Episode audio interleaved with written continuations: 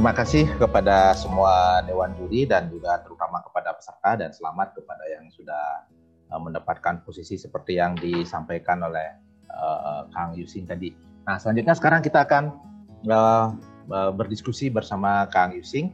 Uh, jadi ini adalah seri kita sudah melaksanakannya empat seri. Yang ini yang Kang Yusing ini seri ke lima.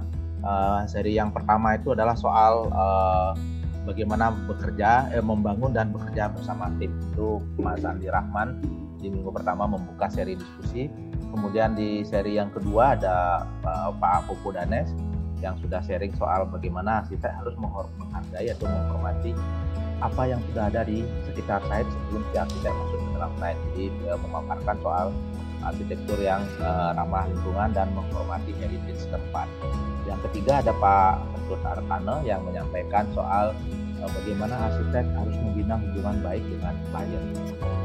Yang keempat uh, di hari Rabu ya kalau tidak salah Rabu apa hari Kamis kemarin uh, kita kedatangan Pak Ketut Siandana. Pak Ketut Siandana ini bagaimana arsitek bekerja bersama masyarakat gitu ya. Jadi Pak Ketut Siandana memiliki banyak sekali proyek-proyek yang dia kerjakan sebagai bagian dari pengabdian profesinya kepada masyarakat, mulai dari membangun balai majar, membangun uh, tempat suci, bahkan sampai membangun uh, warung untuk masyarakat kelas menengah ke bawah. Nah hari ini kita berkesempatan mendengarkan apa kuliah dari Kang Yusing, arsitek praktisi dari studio Akanoma, Akar Anomali. Nah di sini sudah dari nama studionya sudah ketahuan ya. Jadi beliau mengembangkan pemikiran-pemikiran alternatif yang bisa dipakai dipakai untuk meng, apa ya menyelesaikan masalah-masalah praktikal di lapangan. Jadi Kang Yusing ini banyak bekerja juga uh, dengan melalui pendekatan sosial. Diskusi kita akan dipandu oleh Pak Widanan. Selanjutnya saya serahkan ke Pak Widanan untuk memandu diskusi. Silakan Pak Wid. Oke, terima kasih Pak Mangde. Selamat siang semuanya sama ya. kepada ya. narasumber kita hari ini Pak Yusing. Ya, Pak. Yeah, salam kenal dari saya Pak. Saya Pak Widanan. Ya nanti mungkin bisa dipanggil Pak Wid saja Pak, biar kita lebih santai ya.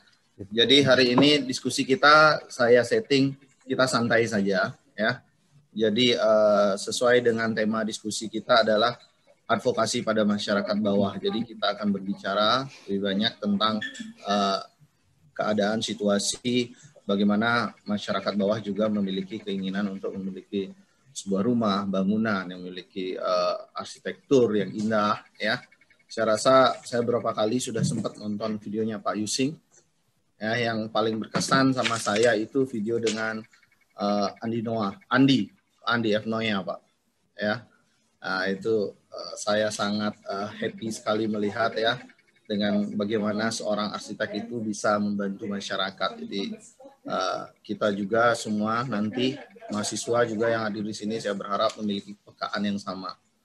Jadi sebelum kita mulai diskusi ada baiknya saya menyampaikan sedikit uh, biografi tentang Pak Yusing. Jadi Pak Yusing ini adalah lulusan arsitektur ITB ya pada tahun 1999 kemudian sudah berkarir di dunia arsitektur semenjak tahun 1999 juga dan beliau salah satu pendiri Studio Genesis awalnya di tahun 2008 eh, dan pada tahun 2008 mendirikan Studio Akanoma, ya, akar anomali. Ya, jadi mungkin nanti kita bisa gali lagi apa filosofi dari akar anomali. Ya, kemudian uh, Studio Akanoma ini sendiri sudah berkali-kali mengikuti dan memenangkan sembara desain arsitektur uh, baik tingkat nasional maupun Asia Pasifik Ya, jadi uh, Bapak Yusing ini juga dipercaya uh, sudah dapat melayani semua kalangan. Jadi beliau karya arsitekturnya itu tidak terbatas hanya pada klien menengah atas, tapi tanpa batas. Jadi akan sangat terbuka sekali dengan uh, masyarakat marginal. Ya, kemudian buku yang telah ditulis itu ada yang berjudul Mimpi Rumah Murah. Ya, jadi tentang rumah yang terjangkau Kembali saya bacakan di sini visi studio Akanoma itu adalah untuk menyayangi bumi dengan segala isinya. Jadi eh, dengan empat pendekatan desain, mengupayakan arsitektur untuk semua, kemudian merekon merekontekstualisasi arsitektur Nusantara, membangun interdependensi antara alam dan budaya dengan arsitektur, kemudian yang terakhir membantu wisata ekologis bersama warga lokal. Jadi hari ini ada dua dua materi yang akan disampaikan. Yang pertama itu adalah resiliensi dalam arsitektur menghadapi banjir pariwisata dan banjir air. Jadi nanti Bapak Yusing akan bercerita tentang bahwa banjir itu tidak hanya disebabkan oleh alam, tapi juga oleh manusia barangkali nanti pemaparannya. Dan yang kedua materi kedua itu adalah tentang kota yang uh, insentif banjir ya, kota yang sensitif air pak. Itu ya, yang banjir air. Ya. ya, yang kedua itu ya pak ya. Jadi nanti masing-masing session saya akan buka 30 menit pertama untuk materi, kemudian 30 menit berikutnya uh, kita akan buka untuk diskusi ya.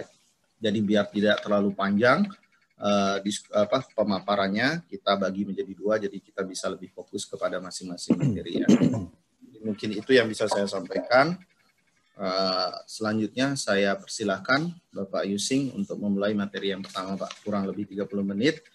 Kemudian bagi teman-teman yang ingin bertanya bisa langsung di kolom chat ya. Jadi nanti saya akan menyampaikan kepada uh, Pak Yusing membacakan pertanyaannya ya. Jadi dalam perjalanan kalau ada yang mau ditanyakan silakan saya simpan nanti di akhir sesi diskusi akan saya bacakan ya.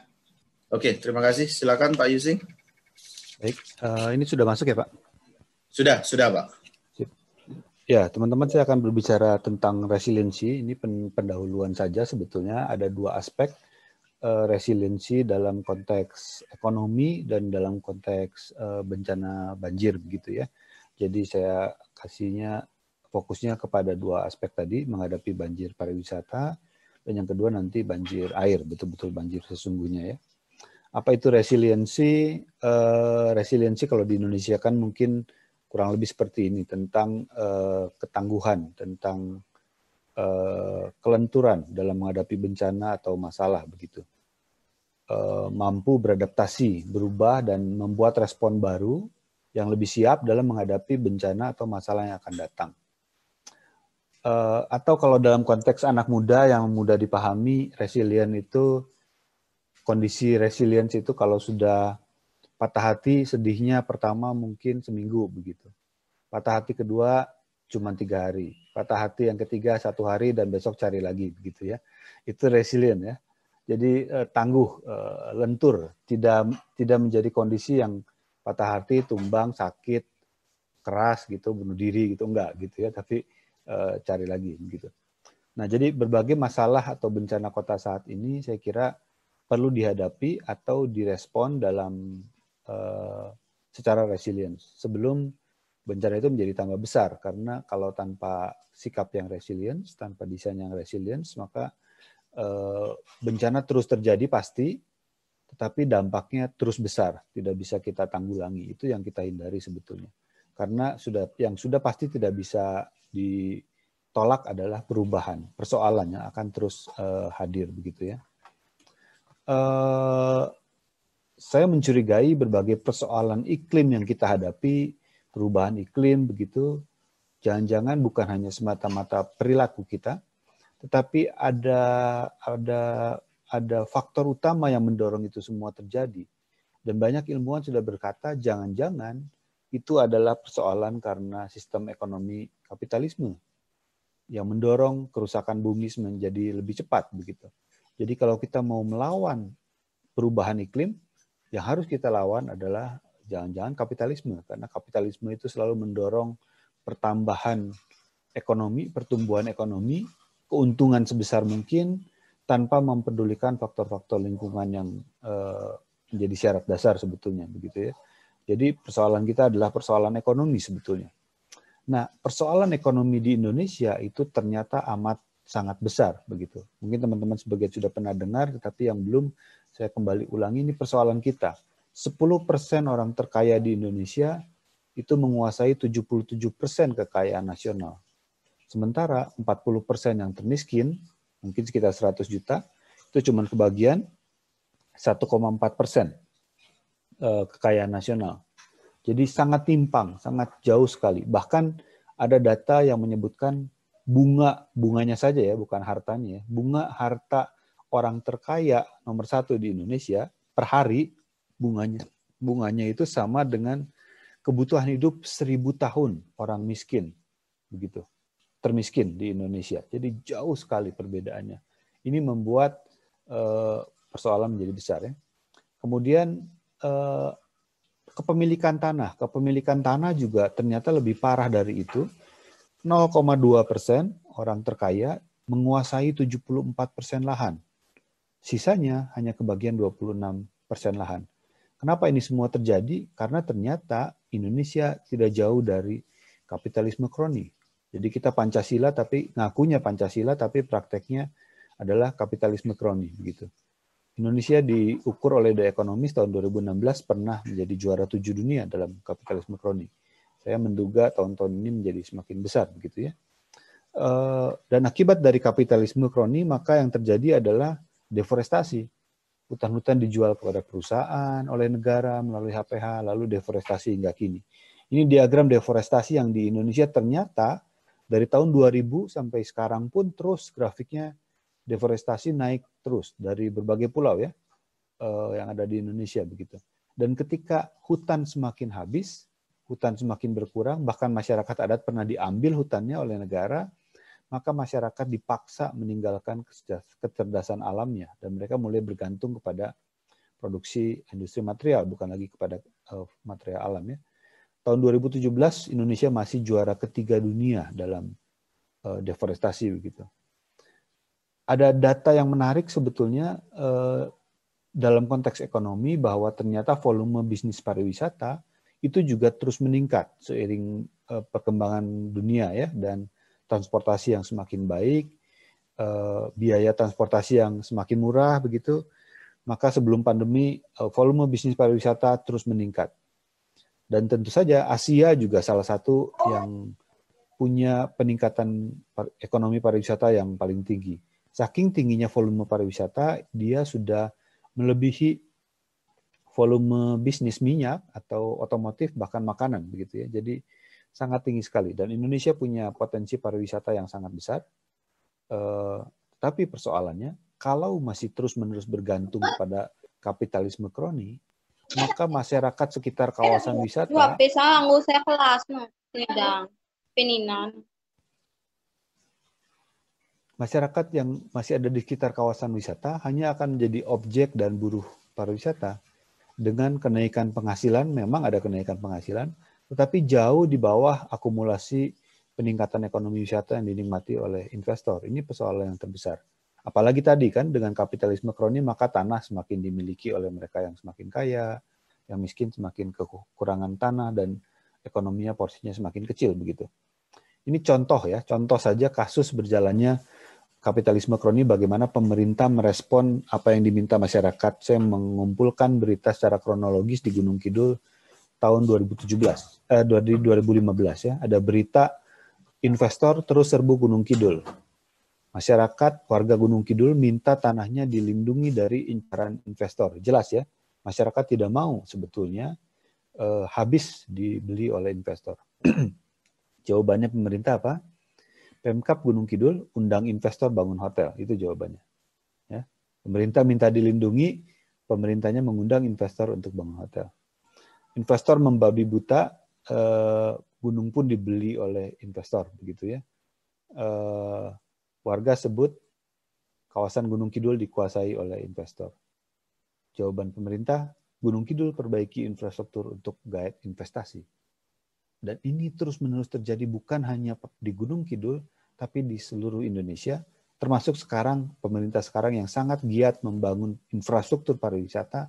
Kita tinggal Google, kita tahu banyak konflik masyarakat dengan pemerintah di kawasan-kawasan yang sedang dibangun. Begitu, itu persoalan kita. Uh, Bali, bagaimana dengan Bali? Pemerintah selalu bikin, mari kita bikin 10 Bali baru. Ya mari kita bangun Bali lebih banyak lagi di Indonesia karena pariwisata menjadi uh, devisa ekonomi yang cukup besar sekarang gitu ya. Uh, ternyata juga sudah disebutkan akademis Udayana Bali terjebak dalam ekonomi kapitalis. Yang kaya semakin kaya, yang miskin terus semakin miskin. Uh, pembangunan sektor pariwisata menyebabkan alih fungsi lahan yang hingga kini sulit dikendalikan, begitu. Jadi sebaiknya ada sektor ekonomi lain selain pariwisata, katanya begitu ya. Bahkan ini oleh kepala dinas pariwisata, saya tidak tahu angkanya betul atau seingat dia atau tapi sangat sangat uh, mengejutkan. 85% aset kepariwisataan di Bali dimiliki oleh orang asing. Jadi buat apa pertumbuhan ekonomi yang begitu besar tetapi yang memiliki, yang menikmati bukan masyarakat. Sementara persoalan yang dihadapi masyarakat, sampahnya, polusinya, kerusakan lingkungan, dan lain sebagainya, ya, banjir, dan lain sebagainya. Ini persoalan utama kita. Jadi pertanyaannya, apakah memang pariwisata akan selalu menjerumuskan dan merusak? Apakah memang sebaiknya kita tolak saja pariwisata? Walaupun kenyataannya kita tahu ada pertumbuhan ekonomi yang cukup besar dan masyarakat pun sebetulnya Eh, mendapatkan pertumbuhan ekonomi itu walaupun tidak sebanding gitu ya. Atau saya mempertanyakan apakah ada alternatif lain selain sistem kapitalisme pariwisata, selain industri pariwisata, apakah ada alternatif lain cara menjalankan pariwisata yang lebih bertanggung jawab, lebih ramah lingkungan dan lebih mensejahterakan masyarakat. Itu yang kita coba eh, cari dan saya coba pertanyakan sehingga salah satu cara studi akanoma bekerja adalah uh, melakukan riset-riset desain begitu ya. Uh, kami memulai dengan mencari solusi bagaimana kalau masyarakat yang kurang punya dana besar tapi mau bikin uh, homestay, mau bikin fasilitas pariwisata atau desa yang tidak kaya tapi punya tanah ingin membuat resort misalnya. Bagaimana caranya? Maka harus dicari cara untuk membuat desain-desain uh, hunian atau uh, hospitality atau penginapan yang terjangkau ya. Ini kami membuat dalam rangka Solo Bambu Biennale 2016. Kita membuat uh, prototype ekolodge bambu sebagai homestay, sebagai villa begitu yang kecil, yang uh, terjangkau tapi juga menarik begitu ya.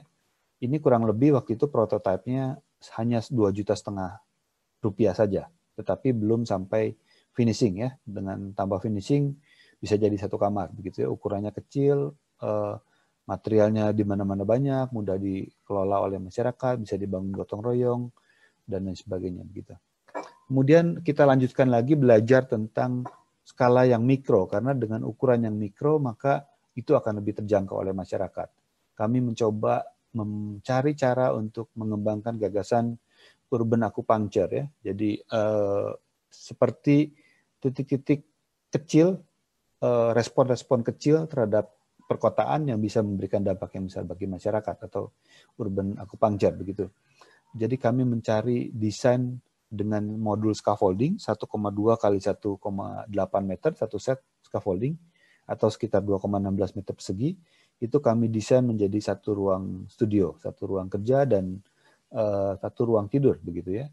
Ternyata bisa. Jadi ketika sudah dibangun eh ternyata cukup tuh ukuran 1,2 kali 1,8 untuk menjadi studio dan di atasnya masih ada mezanin untuk uh, ruang tidur ya. Ini bisa menjadi model sebetulnya bagaimana masyarakat bisa hanya menyediakan lahan kecil dan bisa membuat kos-kosan misalnya. Contohnya begitu ya atau homestay begitu. Kemudian uh, ini beberapa foto yang lain ada terasnya uh, sudah kita pakai kerja dan kemudian malah model ini kami tidak berhenti di sini, kami juga coba kembangkan supaya ini bisa tumbuh. Jadi dari satu unit scaffolding kita kembangkan lagi untuk masa depan dalam rangka bambu desain bambu desain Biennale 2019 ini bisa menjadi satu rumah mikro begitu. Yang semula satu ruang sekarang menjadi satu rumah. Dengan struktur scaffolding eh, sistem yang bisa dibongkar pasang, dikonstruksi dengan cepat, ukurannya tidak terlalu besar, tapi bisa memenuhi kebutuhan rumah tinggal. Dan jadinya kurang lebih seperti ini ya. Kita sebutnya rumah uh, micro scaffolding atau rumah scaffolding tumbuh begitu ya. Ada tiga kamar tidur, satu ruang keluarga, satu ruang makan, satu dapur, satu kamar mandi, ruang duduk, ada balkon, uh, bahkan ada teras luar di atas begitu ya, di atas atap dapur begitu. Uh, lalu kami juga mencoba untuk membuat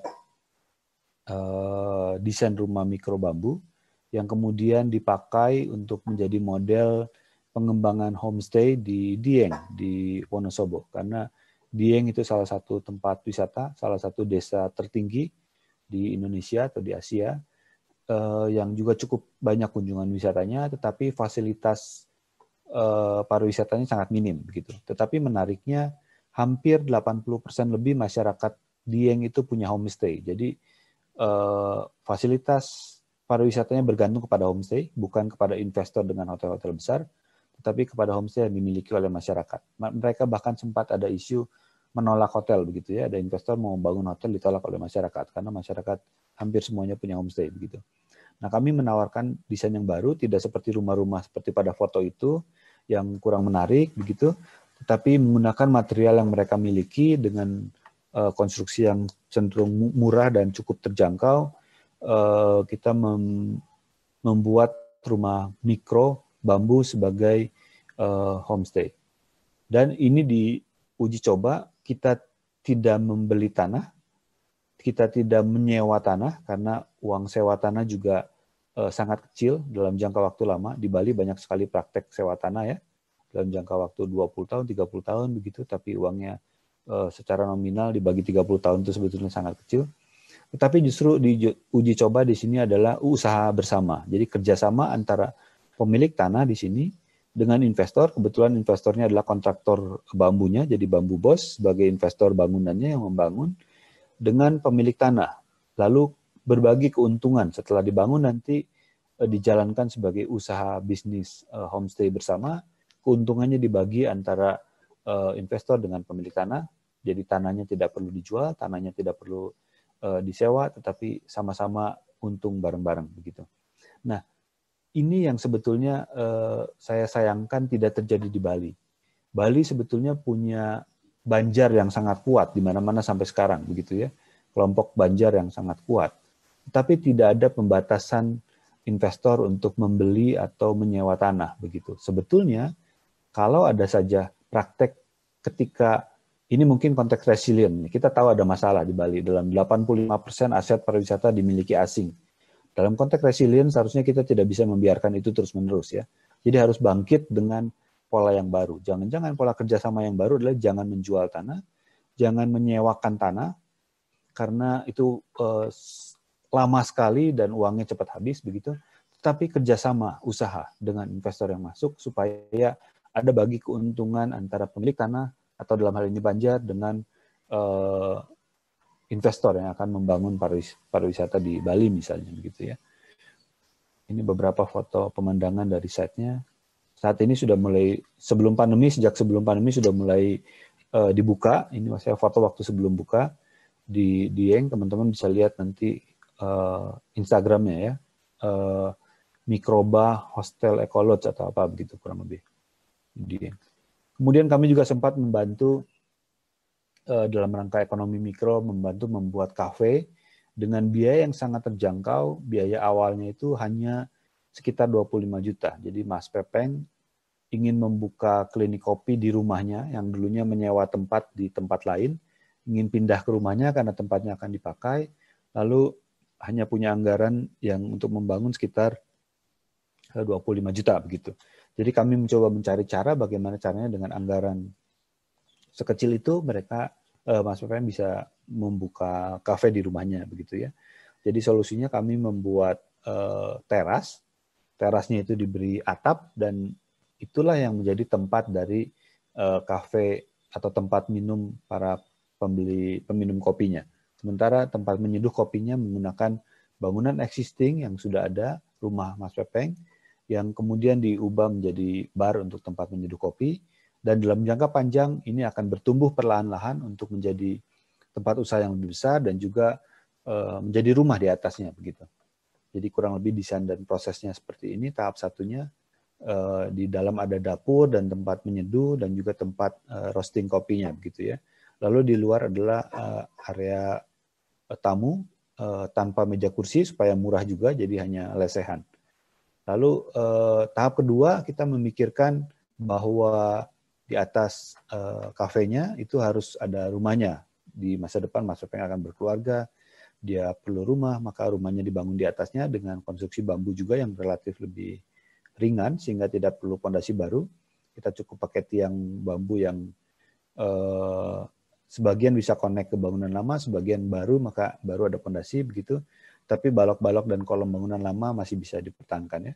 Dengan kita membuat plat lantai yang juga pakai bambu, pakai uh, wire mesh, lalu baru dicor tipis begitu ya. Uh, dan kemudian tempatnya beruntung menjadi lokasi syuting uh, eh, ADC 2 waktu itu ya. Uh, sebelum rumah yang di atasnya jadi. Jadi ketika baru dibangun struktur seperti ini, uh, belum selesai semua rumahnya, ini menjadi tempat uh, syuting. Dan setelah menjadi tempat syuting, ini menjadi tempat yang lebih laku lagi, makin banyak keluarga, kita membuat tempat misbar atau tempat perokok dipisahkan dari yang tidak merokok, Eh, dan kemudian anggarannya semakin banyak perlahan-lahan tumbuh untuk bisa membuat rumahnya menjadi lebih selesai. Jadi di tahap 2B rumahnya eh, selesai kurang lebih seperti ini eh, setelah syuting begitu ya. Jadi rumah menjadi rumah produktif, di atasnya tempat tinggal, di bawah tempat berusaha.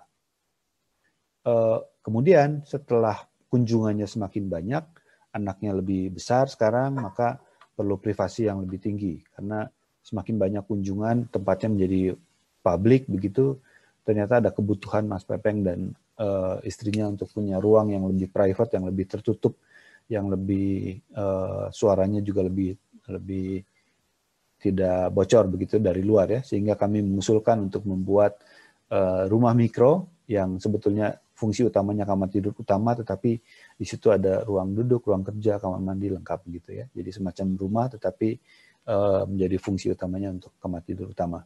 Ini rencana pengembangan tahap tiga dan sekarang sedang dibangun.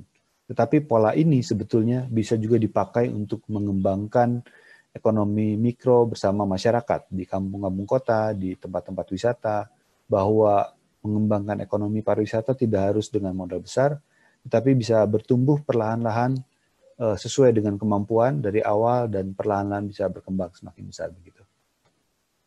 Beberapa uh, ilustrasi. Lalu berikutnya yang menarik juga adalah uh, pasar papringan di Temanggung. Ini sebetulnya uh, dulunya ada kebun bambu yang tidak terawat di desa Ngadiprono di Temanggung dan akhirnya menjadi tempat sampah desa dan sewaktu-waktu uh, pasar papringan satu dulu pernah ada kemudian perlu dibongkar. Itu rintisannya Pak Singgih Susilo uh, Radio Kayu Magno begitu ya desainernya Radio Kayu Magno uh, bersama dengan Siska desain produk ITB juga kalau tidak salah dan Imam. Imam jurusan sarjana sosial yang juga warga desa Ngadiprono bekerja sama untuk membuat pasar papringan di Ngadiprono, di tempat ini yang dulunya tempat sampah desa. Jadi ditata, didesain betul-betul, direncanakan dengan sangat baik, mengajak warga desa sebagai penjual pasarnya, yang tadinya mereka adalah petani, tetapi bisa diajak, dilatih, di, diatur supaya bisa berjualan makanan-makanan yang dikurasi dengan standar yang mereka tentukan bersama. Tidak ada plastik, tidak ada pengawet, tidak ada MSG, tidak ada pewarna buatan begitu bahkan mencuci perabotannya pun dengan uh, lerak begitu ya sehingga tidak ada kimia dan uh, mereka membuat uh, tanpa ada bangunan. Jadi hanya membuat lantai batu tanpa semen begitu. Uh, sudah itu aja dengan fasilitas-fasilitas tempat jualan seperti uh, bambu seperti ini begitu ya. Dan yang menariknya ini waktu sebelum pandemi dalam sebulan hanya buka dua kali karena mereka adalah petani, jadi mereka cuma buka minggu dua bulan sekali, uh, sorry, sebulan dua kali, dua minggu sekali, hari minggu begitu, dari jam 6 pagi sampai jam 12. Jadi sehari-hari mereka tetap bertani, kecuali pada saat buka pasar papringan hari minggu itu mereka uh, berjualan sebelumnya Sabtu malamnya mereka memasak gitu ya. Bisa dikunjungi dalam satu bulan itu bisa hampir 6.000 orang yang bukanya cuma setengah hari setengah hari dua kali begitu. Jadi ekonomi yang berputar bagi masyarakatnya uh, sangat besar. Dan karena kunjungannya sudah sedemikian banyak, maka mulai banyak kebutuhan orang menginap untuk bisa pagi-pagi segera datang ke pasar. Karena pasar bukannya sebentar, dan lokasinya jauh di desa, jauh dari mana-mana di Temanggung itu bukan menjadi tujuan wisata, begitu belum. sehingga orang perlu menginap. Maka Akanoma salah satu konsultan arsitek yang diminta bantu untuk merenovasi beberapa rumah warga. Kita kebagian dua rumah untuk menjadi homestay bagi mereka yang menginap yang ingin berkunjung ke pasar Papringan ya. Ini salah satu rumahnya kurang lebih seperti ini dengan fasilitas kamar mandi yang seadanya. Kita perlu mengubah uh, kamar mandi dan kamar untuk bisa uh, menjadi homestay yang cukup uh, proper begitu ya, cukup layak. Jadi dengan dana yang terbatas tentunya. Ini kamar mandinya, ada kamar yang diubah menjadi uh, bunk bed dengan buat kasur kayu sendiri begitu, dua tingkat. Ini satu rumah Pak Ribut yang tadi Pak Ito, rumah Pak Ito ini rumah Pak Ribut uh, rumahnya cukup besar, tapi yang tinggal sudah tinggal sedikit karena orang-orangnya kebanyakan sudah uh, berkeluarga keluar atau sudah ke kota begitu ya. Banyak ruangan yang tidak terpakai dan rumahnya di desa yang punya pemandangan bagus, tapi rumahnya sumpah begitu. Jelek itu. Jadi kami mengusulkan untuk membongkar salah satu rumahnya, eh, kamarnya untuk menjadi uh, taman di tengah rumah agar menjadi pemandangan yang menarik atau paling tidak tempat berkumpul bagi tamu-tamu homestay-nya nanti menjadi lebih menarik. Yang sebelah kiri itu foto existing salah satu kamar yang akan direnovasi begitu. Ini uh, kamar yang diubah menjadi taman tengah, kurang lebih menjadi uh, seperti ini itu Pak Ribut dengan istrinya dan ini salah satu kamar di rumah Pak Ribut yang walaupun sangat sederhana di desa tidak ada kamar mandi dalam, uh, tidak ada keramik begitu ya, cuman lantai semen biasa dibersihkan saja, dinding hanya dicat putih begitu dan juga plafonnya. Tetapi kita bisa jual 1,2 juta per malam karena kami mendesain dalam satu kamar ini bisa masuk 6 kamar kapsul dan satu kamar kapsul itu satu kapsul 200 ribu dapat makan pagi makan malam sederhana ala desa begitu ya. Jadi ketika pasar pepringan buka dan penuh maka ini akan penuh 6 orang kali 200 jadi 1,2 juta gitu. Ini berputar di masyarakatnya sendiri. Jadi ini salah satu cara kami untuk eh, mengintroduksi uh, ekonomi pariwisata yang bisa uh, menjadi sumber penghasilan untuk kesejahteraan bagi masyarakatnya. Bahwa perkembangan, pariwisata tidak harus bergantung kepada uh, investor yang besar begitu ya. Selanjutnya juga sama fasilitas yang relatif terjangkau uh, swasta yang tidak terlalu besar begitu, tapi memiliki lahan untuk mengembangkan pusat belajar lingkungan yang juga menjadi semacam uh, resort sederhana di Gunung Kidul. Jadi kami memanfaatkan beberapa rumah warga yang sudah ditinggalkan ke kota yang tidak terawat, bocor, rusak dan lain sebagainya kita beli, perbaiki, jadi menggunakan kayu-kayu lokal yang ada, batu-batu kars karena tanahnya penuh dengan batu begitu ya. Uh, ini batu-batu dari sekitar lokasi, kami juga menampung air hujan. Jadi contohnya kamar mandi yang di bawah sebelah rem itu adalah kamar mandi. Di atasnya ada bangunan, ada talang menampung air hujan, ada bak di situ. Dari tampungan air hujan, airnya untuk mengairi kamar mandi di bawahnya, begitu ya. Itu bangunannya merupakan sebagian besar renovasi. Kemudian kami juga berusaha untuk menghemat air karena Gunung Kidul juga tidak terlalu mudah untuk mendapatkan air jadi air hujan ditampung, dipakai untuk mandi, dipakai untuk memasak, untuk mencuci. Uh, habis dipakai masak, mandi, kemudian kami filter masuk ke kolam. Dari kolam kita uh, pakai untuk menyiram kebun. Dari kebun, hasil kebunnya kita pakai untuk makan. Dari makan kita buang kotoran, disatukan dengan kotoran sapi, menghasilkan biogas. Dari biogasnya kita pakai lagi untuk memasak dan selain biogas kita menghasilkan uh, pupuk cair organik yang cukup banyak pupuk cair untuk memupuki uh, kebun punya kelompok tani bukan hanya di lahan ini begitu. Karena sangat banyak pupuk cairnya begitu ya.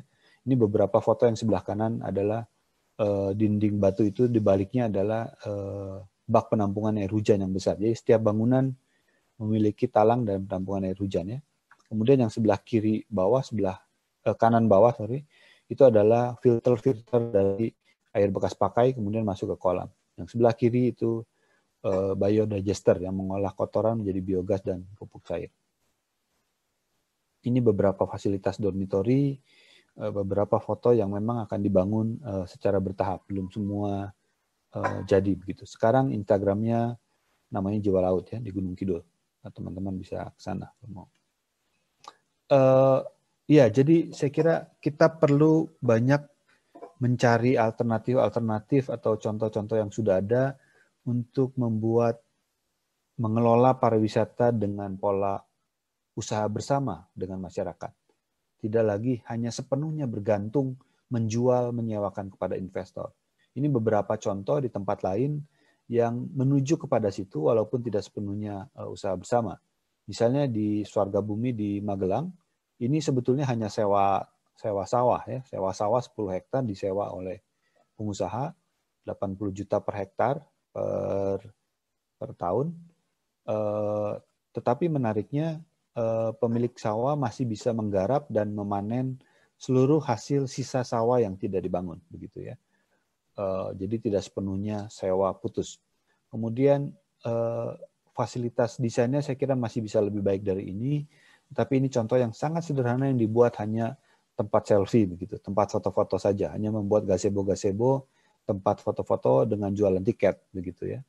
Uh, tujuannya cuma itu, cuma buat jualan tiket, bikin sawah yang luas itu menjadi tempat pemandangan yang menarik untuk tempat foto-foto sehingga pemilik lahan tidak kehilangan lahannya karena disewanya pun tidak dalam jangka waktu 30 tahun begitu, tapi dia masih bisa menggarap uh, sawahnya begitu, uh, masih bisa mendapatkan penghasilan tapi juga pengusaha juga bisa uh, mengembangkan fasilitasnya ya. Ini pasar papringan tadi ya yang uh, jauh lebih baik karena ini tidak ada investor tapi betul-betul bersumber dari masyarakat yang bekerja sama bersama-sama membuat usaha pasar kuliner buka dua bulan satu kali tanpa mengubah uh, profesi mereka yang tetap sebagai uh, petani begitu dengan pendampingan konsep dan operasional yang sangat baik dan pertumbuhan ekonomi juga akan berputar di desanya sendiri begitu. Contoh yang menarik lainnya adalah Ponggok Klaten. Jadi desa Ponggok di Klaten punya banyak sumber mata air. Dulunya adalah desa tertinggal sebetulnya ya.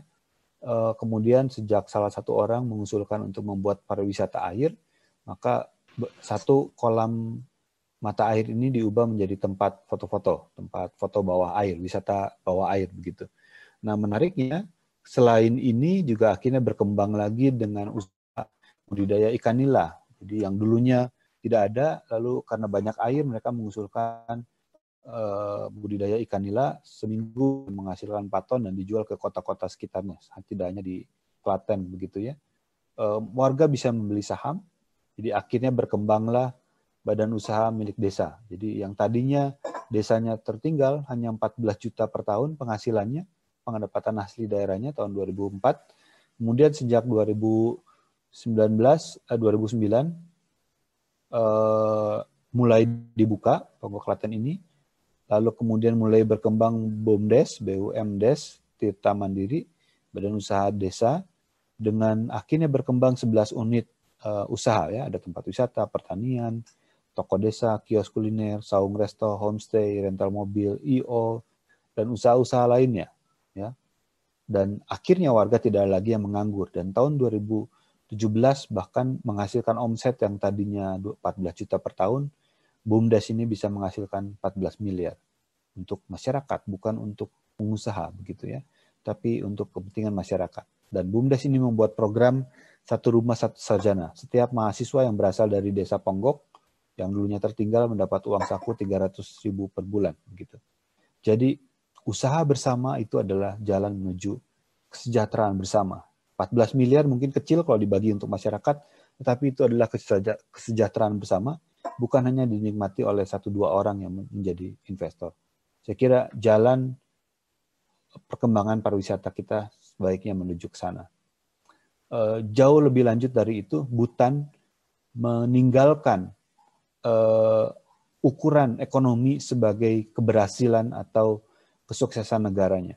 Mereka mengkoreksi motif kapitalisme konsumtif, tetapi mengubah parameter kesuksesan negaranya dengan kebahagiaan warga, bukan bukan lagi dengan PDB atau penghasilannya ya atau eh, penghasilan masyarakatnya begitu.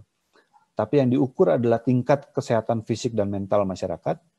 Indonesia termasuk salah satu negara yang saya kira punya banyak masalah eh, kesehatan mental ya pada masyarakatnya. Ya kekuatan komunitas, jadi tidak hanya satu dua orang yang berhasil, tidak hanya segelintir orang kaya yang menguasai mayoritas lahan, tetapi komunitas, usaha bersama, kebahagiaan bersama ya, dan kondisi alam yang lestari begitu. Undang-undangnya Butan jelas menetapkan jumlah hutan di seluruh negeri tidak boleh berada di bawah 60 persen. Sementara Indonesia masih deforestasi juara tiga dunia, dua, juara tiga dunia di tahun 2017. Saya kira itu. Terima kasih. Mari kita berdiskusi tentang uh, ekopuncture di dalam pariwisata ya. Oke, terima kasih Pak Yusing. Jadi sebelumnya saya buka dulu. Kalau ada penanya yang mau bertanya langsung silahkan di unmute bisa langsung atau bisa tulis di kolom komentar. Ada? Kalau yang penanya langsung ada dulu? Silahkan, saya persilahkan mahasiswa atau adik-adik? Saya nanya dulu ya satu ya Pak. Ya silakan. Ah, wah menarik sekali nih uh, apa presentasi soal bagaimana menghidupkan pariwisata dari apa dari tangan masyarakat sendiri. Tantangannya kan di situ karena masyarakat terlanjur uh, kalau mau membuat desa wisata selalu membuat proposal. Lalu proposalnya akan dibawa ke pemerintah, lalu pemerintah akan mengembangkan strategi seperti yang disebutkan tadi adalah mengundang investor, meminta masyarakat untuk uh, kompromistis terhadap aturan yang awalnya ketat menjadi tidak ketat. Nah ini ini tantangan yang uh, pastilah tidak tidak mudah. Dan kemudian pariwisata sendiri, kalau yang pariwisata yang kapitalistik itu kan sangat problematik. Karena sebagai kapital dia harus tumbuh. Selain tumbuh dia sebagai kapital dia harus berkembang. Untuk tumbuh dan berkembang maka dia menjadi sangat-sangat ekspansif. Nah, saya kira ini yang berkembang di Bali karena uh, untuk kapital itu supaya dia bertahan dia tidak cukup hanya sustain aja, sustain di tempat semula. Dia harus tumbuh karena saingannya akan dia akan dimakan oleh saingannya kalau dia tidak tumbuh dan dia tidak skalanya tidak dia besarkan lalu profitnya tidak dia tumbuhkan. Nah, saya pikir ini yang uh, sekarang sedang uh, terjadi ya di Bali ini uh, apa kapital yang ekspansif ini yang terjadi. Hampir tidak ada tempat yang tidak bisa dijangkau lagi sekarang di Bali. Hampir semua tempat sekarang sudah menjadi daerah pariwisata. Tidak ada tempat yang tidak menjadi daerah pariwisata. Nah, barangkali um, Kang Yusin dari pengalamannya uh, bekerja dengan apa uh, masyarakat di desa, uh, apakah kapital ini menjadi sesuatu yang uh, sangat ekspansif di, di desa ataukah dia dia bisa bertahan nah, tanpa harus ada ekspansi, tanpa harus ada growth? Oke. Okay. Ya, jadi kita harus mencari alternatif itu. Sebetulnya desa ini punya kekuatan uh, komunal ya. Jadi perbedaannya dengan investor kan dia kekuatan uh, perusahaan investasi ya. Kalau desa bisa dengan kekuatan komunal, maka kita bisa mencari cara jenis pariwisata uh, yang lain begitu ya. Kalau mau bertahan sendiri tanpa ada bantuan dari luar begitu. Misalnya, saya pernah berpikir di di Lombok itu juga sama lah kayak Bali tanahnya udah milik orang Australia, orang Jerman, orang Taiwan, orang Hong Kong, orang mana begitu ya, orang Jakarta begitu Uh, sementara orang Lomboknya sendiri ya semakin terdesak lama-lama. Nah, kenapa sih tidak uh, masyarakat dalam satu desa itu bekerja sama bongkar pagar? Jadi mereka kan udah ya sekarang juga udah terbiasa pakai pagar ya. Bali mungkin beda karena arsitekturnya arsitektur berpagar ya. Uh, kalau di Lombok kan nggak ada begitu. Jadi mereka bongkar pagar lalu membuat fasilitas pariwisata di antara rumah-rumah mereka yang masih jarang-jarang gitu. Jadi 10 rumah bergabung jadi satu membuat satu kompleks uh, wisata bareng-bareng. Jadi kolam renangnya satu aja buat bareng-bareng. Kalau masing-masing bikin satu kamar uh, villa, maka kita punya 10 villa kan, karena itu ada 10 keluarga, 10 villa dengan satu kolam renang bareng-bareng. Jadi lebih terjangkau. Jadi artinya kita harus mencari alternatif-alternatif bagaimana masyarakat dengan anggaran yang terjangkau atau bertahap begitu. Tahun pertama bisa bangun satu, tahun kedua bangun dua, tahun ketiga bisa bangun empat dan seterusnya begitu sehingga tambah lama tambah banyak sehingga pada akhirnya warga desa inilah yang bisa memiliki uh, fasilitas itu. Seperti contoh di Ponggok Klaten tadi, akhirnya yang memilikinya ya masyarakat desa dan yang membangun juga dengan masyarakat desa. Nah, tapi kebetulan ada dana desa masuk BUMDes, maka itu menjadi uh, BUMDes begitu kira-kira. Jadi sebetulnya itu satu pola kalau mau berdiri sendiri. Pola lain adalah mungkin kerjasama tetap dengan investor, tapi dengan cara-cara tadi bahwa kita tidak hanya sewa tanah, kita tidak hanya menjual tanah, tapi usaha bersama. Kenapa perlu usaha bersama itu? Misalnya, eh, hotel di Bali yang dekat pinggir sungai punya pemandangan lembah sungai dan eh, lembah di seberangnya ya. Kan hotel itu tidak membeli sungai. Tapi hotel itu menikmati sungai sebagai tempat spa yang menarik gitu ya. Bahkan bisa bisa punya suara air, bisa punya pemandangan. Bahkan ada beberapa villa-villa yang punya pemandangan sawah yang sangat luas. Dia tidak membeli sawah itu kan, sawah itu punya warga tanah desa begitu. Tapi dia dapat keuntungan dari sawah itu kan. Apakah hotel ini memberikan keuntungannya buat sawah? Enggak. Jadi artinya tidak fair menurut saya. Hotel ini menikmati pemandangan sawah, warga sawah hanya menjual padi saja, tidak ada keuntungan yang lain. Sementara hotel ini laku justru karena punya pemandangan sawah ke arah desa yang lain. Jadi sebetulnya lebih adil kalau sifatnya adalah usaha bersama, kerjasama begitu. Keuntungan yang dimiliki oleh hotel ini dibagi-bagi bersama dengan e, masyarakat dengan pengelolaan yang seadil-adilnya begitu. Tidak sepenuhnya keuntungan sebesar-besarnya e, untuk e, pengusaha investor. Jadi kerjasama investornya yang berbeda begitu. Barangkali begitu. Mudah-mudahan bisa cukup menjawab atau bisa dikembangkan lebih lanjut. Silakan Pak Man, ada mau yang ditanggapi? Oke, okay, disampaikan kembali. Uh, sementara itu dulu. Ini ada ada dua pertanyaan dari uh, pemirsa dari pemirsa di kolom chat. Oke. Okay. Oh ya, saya bacakan aja dulu. Ini ada pertanyaan yang pertama dari uh, Putu Aldi Rianata ya, angkatan 16 ingin bertanya. Untuk akses sirkulasi entrance-nya pengunjung dan penghuninya itu terpisah atau menjadi satu pada coffee shop bambu, Pak? Pak Yusing? Uh, ya, jadi uh, yang di klinik kopi ya. Ya, yang klinik kopi. Klinik kopi itu uh, menjadi satu, tetapi tangganya terpisah ada di luar. Jadi ada tangganya itu aksesnya harus dari ruang seduh, begitu. Tapi memang ini yang mengontrol betul-betul uh, pemiliknya karena yang bisa masuk ke ruang seduh pun disaring oleh uh, Mas Pepeng. Jadi dari pengunjung itu datang dari tempat luar, dia masuk ke teras saja. Jadi cuma di teras. Lalu yang sudah dapat nomor antrian baru masuk ke ruang seduh begitu. Nah, kalau mau masuk ke rumah dari ruang seduh keluar ke sisi yang lain baru naik tangga ke rumah. Jadi dari tempat umum tidak bisa menuju ke eh, tangga menuju rumah tanpa melalui pemiliknya, kira-kira begitu. Oh, siap. Oke, itu sudah ditanggapi kepada Aldi. Kemudian ini ada pertanyaan yang lain. Uh, saya ingin bertanya tentang bagaimana metode riset Pak Yusing untuk bisa memahami potensi yang ada di desa maupun di kampung-kampung kota untuk kemudian bisa menjadi usulan sebuah desain atau pengembangan ekonomi masyarakatnya. Terima kasih. Itu pertanyaan dari Peja. Ya ini satu seminar sendiri kayaknya dan pakarnya lebih banyak daripada saya kayaknya.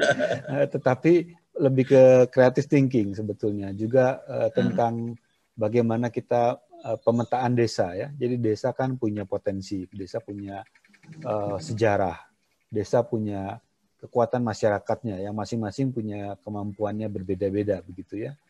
Uh, semakin kita punya banyak kawasan, semakin bisa punya membuat alternatif-alternatif. Kalau ini konteksnya wisata atau destinasi, alternatif destinasi yang bisa dikembangkan seperti apa begitu misalnya ya. Bahkan sesederhana membuat konten YouTube begitu, konten kreator karena desanya sangat menunjang misalnya. Teman-teman tentu tahu uh, di YouTube ada Li Chiki ya di Cina itu dia balik desa orang orang kota balik ke desa membuat YouTube lalu dia cuman sebagian besar masak-masak tetapi dia juga membuat perabotan perempuan begitu membuat aneka perabotan rumah begitu masak-masak dan memperlihatkan bagaimana desa pertanian itu sangat menghidupi dia gitu ya. Jadi videonya sangat menarik dinikmati oleh jutaan orang di seluruh dunia. Ada lagi uh, tulisannya Jonah double N, Jonah Jinten. Itu di Skandinavia, di Swedia apa di mana saya lupa ya.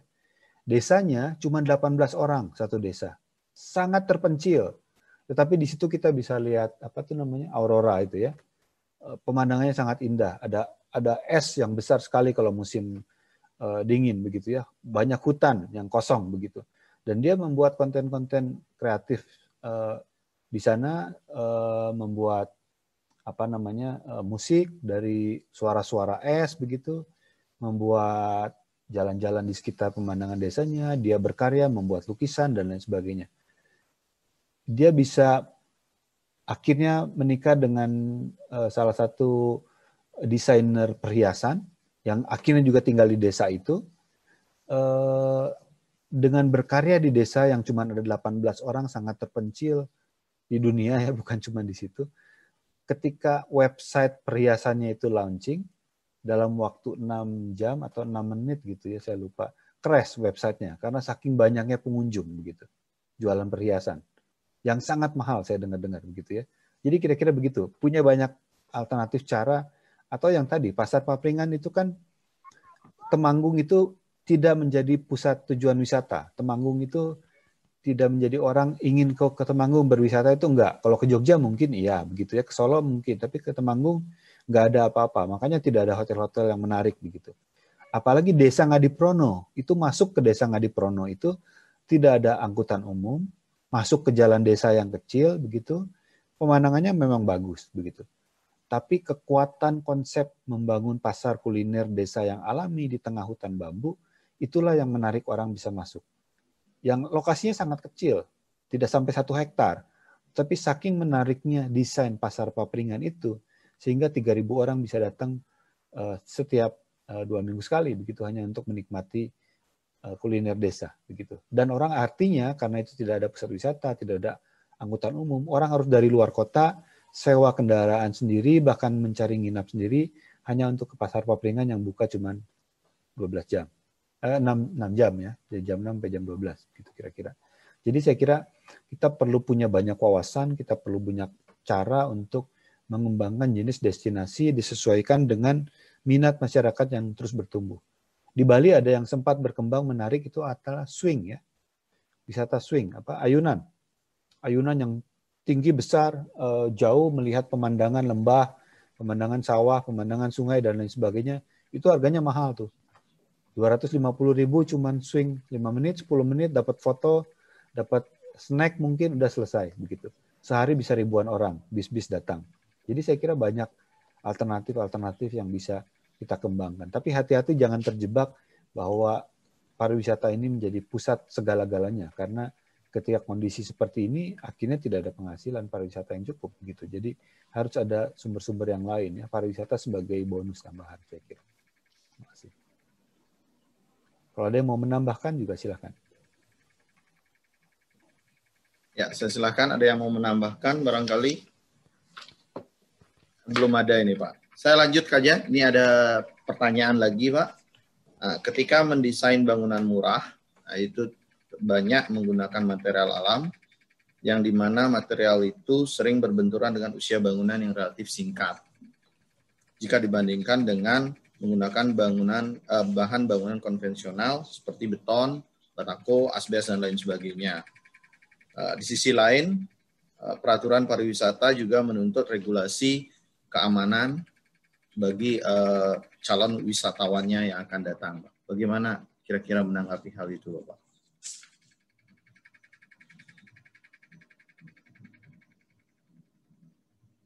Silakan.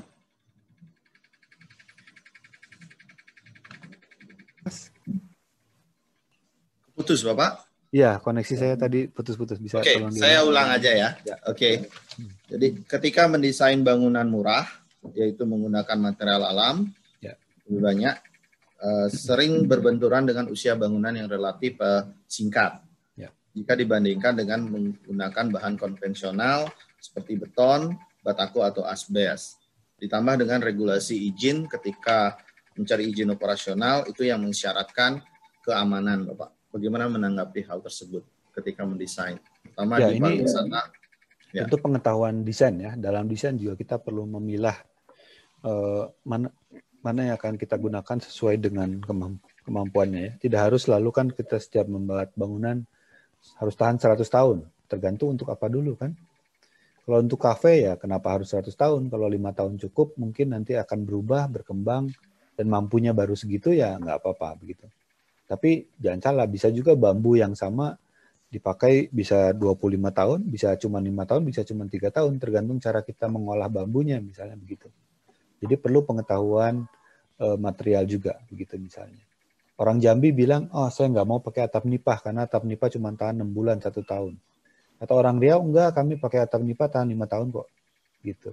Tiga tahun, lima tahun begitu. Jadi tergantung bagaimana cara kita memakainya material yang sama itu. Jadi uh, masih sangat uh, memungkinkan saya kira. Kembali kepada treatment material ya Pak ya, dan di mana material itu ditempatkan, ya. Dan sesuai kemampuan yang pasti ya, karena tidak semua kan sudah mampu untuk langsung membangun yang dengan material yang lebih kuat begitu misalnya ya. Oke, ini ada pertanyaan ini masih ada dua lagi sebelum kita lanjut ke sesi berikutnya. Seperti yang kita ketahui bahwa resiliensi merupakan kemampuan menyesuaikan diri pada tekanan atau tahan banting. Dalam perancangan Bapak, mana yang harus didominasi? Apakah ide, konsep, rancang, atau adaptasi diri dulu? Yang mana yang diutamakan? Ya, eh, karena ini dalam konteks desain ya, maka desainnya ya. yang harus merespon agar menjadi resilient ya. Karena persoalannya nanti adalah kalau kita tidak mempersiapkan resiliensi dari sekarang, maka uh, akan sering terjadi persoalan-persoalan bencana atau masalah yang semakin besar. Contoh soal ekonomi kapitalisme kroni ini. Kalau kita biarkan terus saja begini, sewaktu-waktu akan pecah ini. Entah apa pun bentuknya ya, kerusuhan atau persoalan yang semakin besar. Hong Kong misalnya ya, Indonesia itu katanya kan negara kaya ya, semua orang dengar kita dari kecil Indonesia negara kaya, betul nggak? Ya itu dibohongin aja, dibohongin aja. Kita ngukurnya mana kaya itu dari mana? Kalau kita mau mengukur kaya, maka sebetulnya kekayaan itu hanya eh, bisa diukur salah satunya dari pendapatan per orang per tahun kan, per kapita kan. Nah, pendapatan per kapita di Indonesia di rata-rata ya itu hanya masuk dalam ranking 120 lebih negara rankingnya. Sementara Malaysia rankingnya sekitar 40 apa 60 begitu. Jauh sekali kita di bawah itu. Kita di bawah negara-negara yang kita tidak pernah dengar. Gitu. Di bawah negara-negara Afrika kecil, masih di bawah itu ya. Hong Kong, Hong Kong itu juara 5, eh, 15, sorry. 15 PDP-nya per kapita loh ya. Jangan total ya, jangan pendapatan total, tapi pendapatan per kapita lebih fair. Hong Kong itu juara 15, artinya Hong Kong sangat kaya kan dibanding kita yang 100 lebih yang sangat miskin begitu ya. Tapi bagaimana keadaannya di Hong Kong? Sama dengan kapitalisme kroni, Hong Kong juga banyak masyarakat miskin. Saking miskinnya, saking kapitalisme itu menguasai semua aspek hidup masyarakat Hong Kong, maka 50% orang Hong Kong nggak punya rumah, nggak bisa beli rumah banyak di antara mereka yang miskin tidak mampu untuk menyewa satu apartemen untuk satu keluarga. Akhirnya mereka menyewa satu apartemen untuk tiga empat keluarga. Yang terjadi apa? Kalau teman-teman Google banyak sekali seperti kandang-kandang. Di dalam apartemen itu di sekat-sekat lagi sekat-sekatnya betul-betul seperti kandang kawat, kandang anjing, kawat gitu, dua tingkat lagi kandangnya tingginya cuma satu meter, satu kandang itu ukuran satu orang bisa duduk gitu saking apartemennya kecil, mahal, dan harus dibagi-bagi. Kira-kira itu yang terjadi. Padahal Hong Kong negara yang jauh lebih kaya dari kita dalam konteks pendapatan per kapita. Gitu. Jadi kalau kita tidak memikirkan konteks sistem yang resilient sejak awal, itu nanti akan semakin berat masalahnya. Eh, banjir misalnya, kita tidak memikirkan nanti yang topik yang kedua, kita mikir desain resilient dalam konteks banjir, masalah yang akan kita hadapi nanti akan jauh lebih besar daripada masalah hari ini yang sudah besar, kira-kira begitu. Terima kasih Pak Yusing. Jadi saya sisakan satu pertanyaan lagi. Jadi untuk sesi ini ada pertanyaan dari Kartens. Ingin bertanya dalam membangun rumah mikro atau bangunan lain untuk mendukung usaha mikro, apakah ada kendala dalam membangun suatu bangunan? Dan ketika dana yang disediakan, apakah selalu cukup untuk membangun suatu bangunan dan hal apa yang diutamakan, mana diutamakan? Ya tentu tergantung dananya ya. Kalau sepuluh ribu ya nggak akan cukup ya. Jadi tergantung anggarannya, yang masuk akal begitu. Jadi yeah. uh, kita walaupun mendesain rumah murah, rumah mikro tetap berdasarkan uh, harga material dan tukang yang wajar begitu ya. Jadi tidak mungkin jadi sulap gitu. Nah, tetapi rumah mikro itu adalah menjadi solusi atau bangunan mikro itu adalah menjadi solusi untuk uh, mengusahakan sesuatu sesuai dengan kemampuan kita. Uh, konsepnya adalah bahkan mahasiswa yang kos misalnya begitu dari sejak mereka kos sudah bisa punya kamar kos sendiri dibanding hanya sewa kamar kos yang uangnya hilang kan? Konsepnya bangunan mikro itu seperti itu jadi sebelum pandemi kan mahasiswa pada ngekos nih ya uang kos misalnya berapa 500 ribu lah ya misalnya setiap bulan begitu ya ada yang satu juta gitu nah bergabunglah dua tiga mahasiswa misalnya kalau eh, anggap 500 ribu deh tiga mahasiswa nih. Jadi satu juta setengah per bulan. Satu juta setengah kali satu tahun berapa? 18 juta ya. 18 juta dikali empat tahun kuliah. Berapa? 72 juta ya. Jadi 72 juta itu sudah cukup untuk membangun satu kamar kos untuk tiga orang dengan satu kamar mandi dalam dan untuk sewa tanah kira-kira 4 tahun, kurang lebih begitu. Jadi bangunannya mungkin 50 juta, sisanya 22 juta untuk sewa tanah. Misalnya kira-kira begitu. Jadi uangnya nggak habis, hanya sekedar untuk uh, bayar uang kos gitu. Jadi kira-kira keterjangkauannya kurang lebih seperti itu. Kalau yang diutamakan itu Pak, kali yang di mana yang diutamakan ketika membangun yang murah itu Pak? Apakah kenyamanan? Efisiensi ruang efisiensi. Efisiensi ruang, maka tentunya efisiensi desain ya. Jadi desainnya tidak terlalu banyak dekoratif begitu. Uh, seefisien mungkin fungsinya uh, termanfaatkan. Misalnya kalau kita bicara rumah ya, kamar tidur anak mau ukuran berapa sih paling kecil kamar tidur anak? Dua kali paling, dua, dua kali satu koma delapan barangkali ya. Dua kali satu koma delapan. Ya. Uh, mungkin di kalau zaman dulu kan ukuran dua kali dua kamar pembantu begitu ya eh. misalnya ya itu pun kadang-kadang dimarahin tidak manusiawi begitu ya tapi balik lagi pertanyaan ke basic kamar tidur itu untuk apa untuk tidur aja sebenarnya kan? untuk tidur kan posisi ya, tidur betul. seperti apa terlentang ya kan terlentang dua meter kan gitu. akhirnya cukup dua meter kali 80 cm cukup kan Cukup kan kan untuk tidur cukup, gitu cukup, ya kan. Cukup. Makanya tumbuhlah kamar-kamar kapsul, ya kan hotel ah, kapsul. Ah, okay. Bang bed kan cukup. Bang hotel bed. itu tidak perlu satu kamar tiga kali tiga, tiga kali lima, dua puluh meter persegi nggak perlu. Cukup satu kali dua kali satu meter tingginya cukup jadi satu kamar yang bisa kamar hotel kapsul. Termasuk kamar anak bisa satu kali dua kali satu tingginya cukup jadi kamar tidur anak. Sisanya aktivitasnya ya di luar kamar begitu misalnya. Betul, betul. Itu bicara efisiensi dan uh, fungsionalitas kira-kira begitu ya. Okay. Termasuk ya, multifungsi ya, bisa multifungsi juga sebetulnya. Bisa kasurnya dilipat, ya, kalau di Jepang kan tatami ya. begitu tinggal digulung jadi ruang keluarga, dipasang kasurnya dia jadi tempat tidur gitu-gitu ya, jadi ruang multifungsi. Betul, betul. Karena itu memang betul itu yang sering kita lihat di dunia konstruksi, Pak.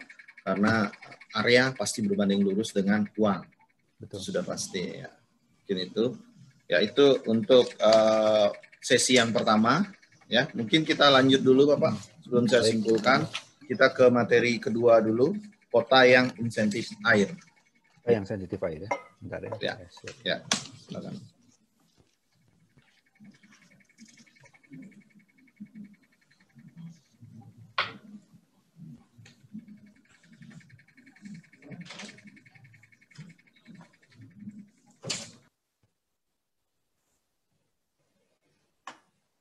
Oke, okay, eh, kota yang sensitif air tentang berbagai penanganan banjir dan penurunan tanah ya. Kenapa saya mau bahas ini teman-teman akan uh, paham sendiri ya. Jadi ini adalah persoalan kita sebetulnya adalah grafik uh, pertumbuhan populasi manusia di bumi yang dari tahun uh, entah kapan sampai tahun 1950 itu cuma dua setengah miliar. Ini uh, jumlah manusianya nih, cuma dua setengah miliar tuh kira-kira di sini ya tahun 50-an ya.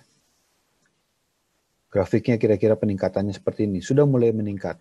Tetapi tiba-tiba dari tahun 50 sampai tahun 2015 hanya dalam waktu 65 tahun tiba-tiba menjadi 7,1 7,4 miliar pertumbuhan eh, apa namanya penduduknya. Jadi sangat cepat sekali. Sekarang mulai turun lagi pelan-pelan lagi, tetapi tetap akan angkanya dari 7,4 ini naik terus begitu ya. Inilah yang mengakibatkan banyak persoalan bagi bumi kita karena pertumbuhan yang semakin cepat. Akibatnya apa? Urbanisasi. Urbanisasi ini membuat uh, kota juga bertumbuh semakin membesar. Contohnya yang ekstrim adalah Bangkok. Bangkok dari tahun 44 sampai 2002 bertumbuh 16 kali lipat kotanya ya. Ini tahun uh, eh, 44 sampai terus tahun 2000 Dua, terus bertumbuh semakin lama semakin besar kotanya. Akhirnya apa? Maka masalahnya adalah semakin banyak orang, semakin banyak, semakin sedikit hutan, deforestasi, hutan akan semakin berkurang, termasuk lahan pertanian juga semakin habis karena kota yang semakin membesar, maka lahan pertanian juga akan semakin berkurang ya. Deforestasi di seluruh dunia. Indonesia tahun 50 masih punya 85 persen hutan, tahun 2013 sudah tinggal 45 persen. Sekarang sudah jauh lebih berkurang dari itu dengan tingkat deforestasi yang terus juara setiap tahun, begitu ya. Ini tahun 2017 tadi kita juara tiga, dan karena deforestasi sungai semakin menyempit karena longsor, maka endapan masuk ke sungai, sungainya semakin dangkal, begitu ya. Ada bencana longsor, dan tambah lagi yang tadinya airnya meresap ke dalam tanah ketika belum dibangun, ada natural catchment, tangkapan air alami, ada pohon, ada sungai-sungai kecil, anak-anak sungai, ada tanah yang menyerapkan air ke dalam uh, tanah begitu. Lalu dibangunlah bangunan. Ketika urbanisasi banyak pembangunan, maka yang masuk ke dalam tanah semakin lama semakin sedikit. Maka yang terjadi banjir, yang tadinya dataran banjir hanya di tengah-tengah pada sempadan sungai, grafik sebelah kanan yang bagian bawah, ketika seiring pertumbuhan maka dataran banjir akan semakin membesar ke grafik yang di atas, semakin luas. Jadi tidak heran banyak kawasan yang tadinya tidak banjir, lima tahun kemudian menjadi banjir, 10 tahun kemudian eh, menjadi banjir. Bukan karena pergantian benar, ya, tapi karena pembangunan yang terus menerus dan mengurangi area resapan, maka eh, banjir semakin besar. Bukan hanya di Indonesia, di seluruh dunia ini grafik dari tahun 85 sampai 2010, titik merah itu adalah titik banjir baru yang tadinya nggak banjir. Jadi ada 3.713 titik dari tahun 85 sampai 2010 di dunia yang akhirnya menjadi menghadapi masalah banjir karena pertumbuhan penduduk, karena pembangunan yang tidak sensitif air ya. Dan bukan hanya terjadi banjir, persoalan kita ternyata adalah eh, tenggelamnya tanah-tanah kita, penurunan tanah, sinking, eh, kota-kota yang tenggelam karena kita mengambil air tanah, air tanah yang kita ambil kita tidak kembalikan lagi ke dalam tanah, tapi kita buang ke sungai, sungainya sudah dibeton, masuk ke laut, maka makin lama resapan sungainya semakin sedikit, eh, resapan air tanah semakin sedikit, dan kita tidak kembalikan yang kita ambil, perlahan-lahan tanahnya turun di kota-kota di seluruh dunia. Ini beberapa data yang sudah tercantum, tanahnya mengalami penurunan yang cukup besar ya. Indonesia juga sebetulnya uh, termasuk di seluruh dunia. Uh, muka air laut meningkat, uh, tetapi perlahan-lahan. Yang warna merah nih grafik paling atasnya, sea level rise, peningkatan muka air laut perlahan-lahan. Tapi yang lebih banyak justru adalah membuat banjir bukan muka air laut, tetapi penurunan tanah ini yang ekstrim adalah Tokyo. Bayangkan, dari tahun 1900 sampai 1975, Tokyo tanahnya turun ambles lebih dari 4 meter. Bayang ya, eh, cepat sekali. Eh, Jakarta ada di warna, nah ini, Jakarta menyusul Tokyo, ini mengerikan nih.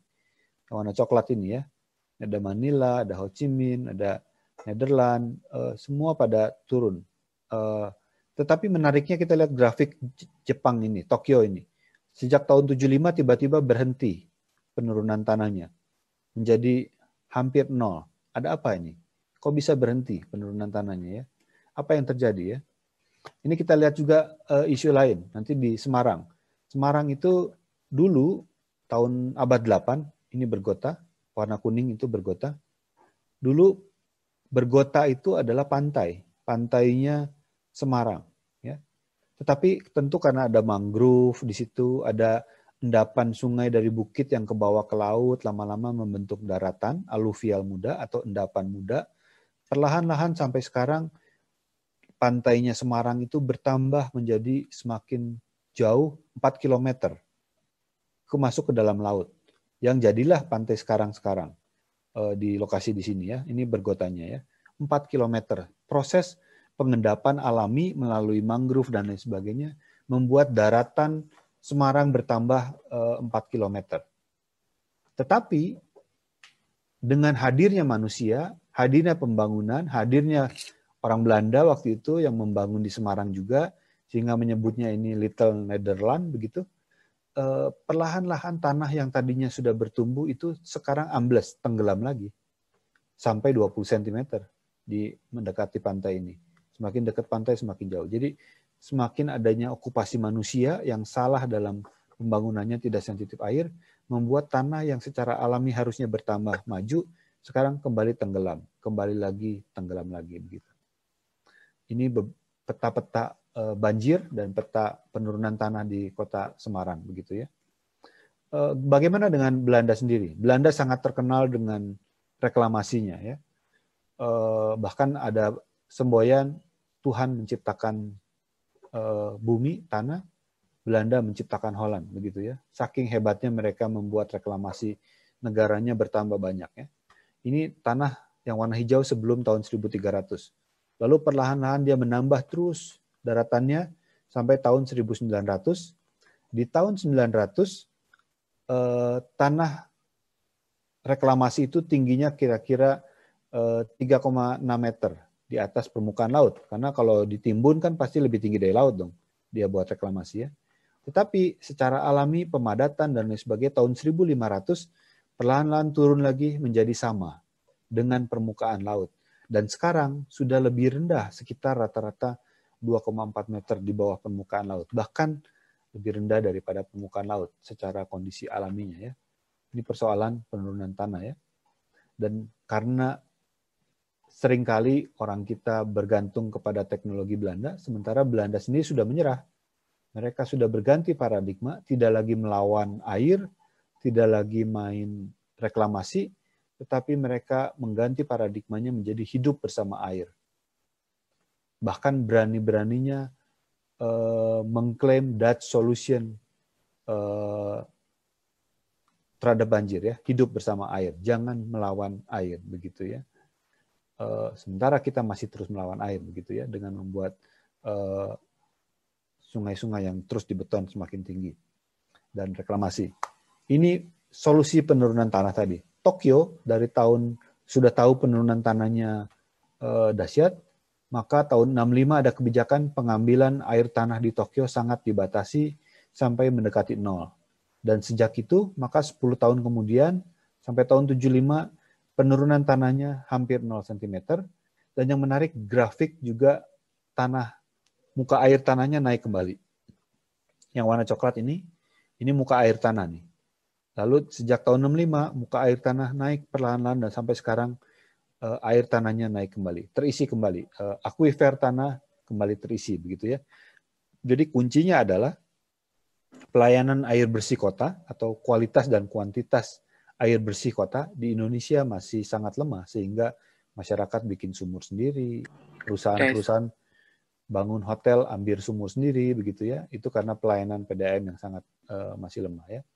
Dan yang kedua kuncinya adalah mengisi ulang uh, akuifer tanah agar penurunan tanahnya semakin turun, uh, semakin uh, turun ya.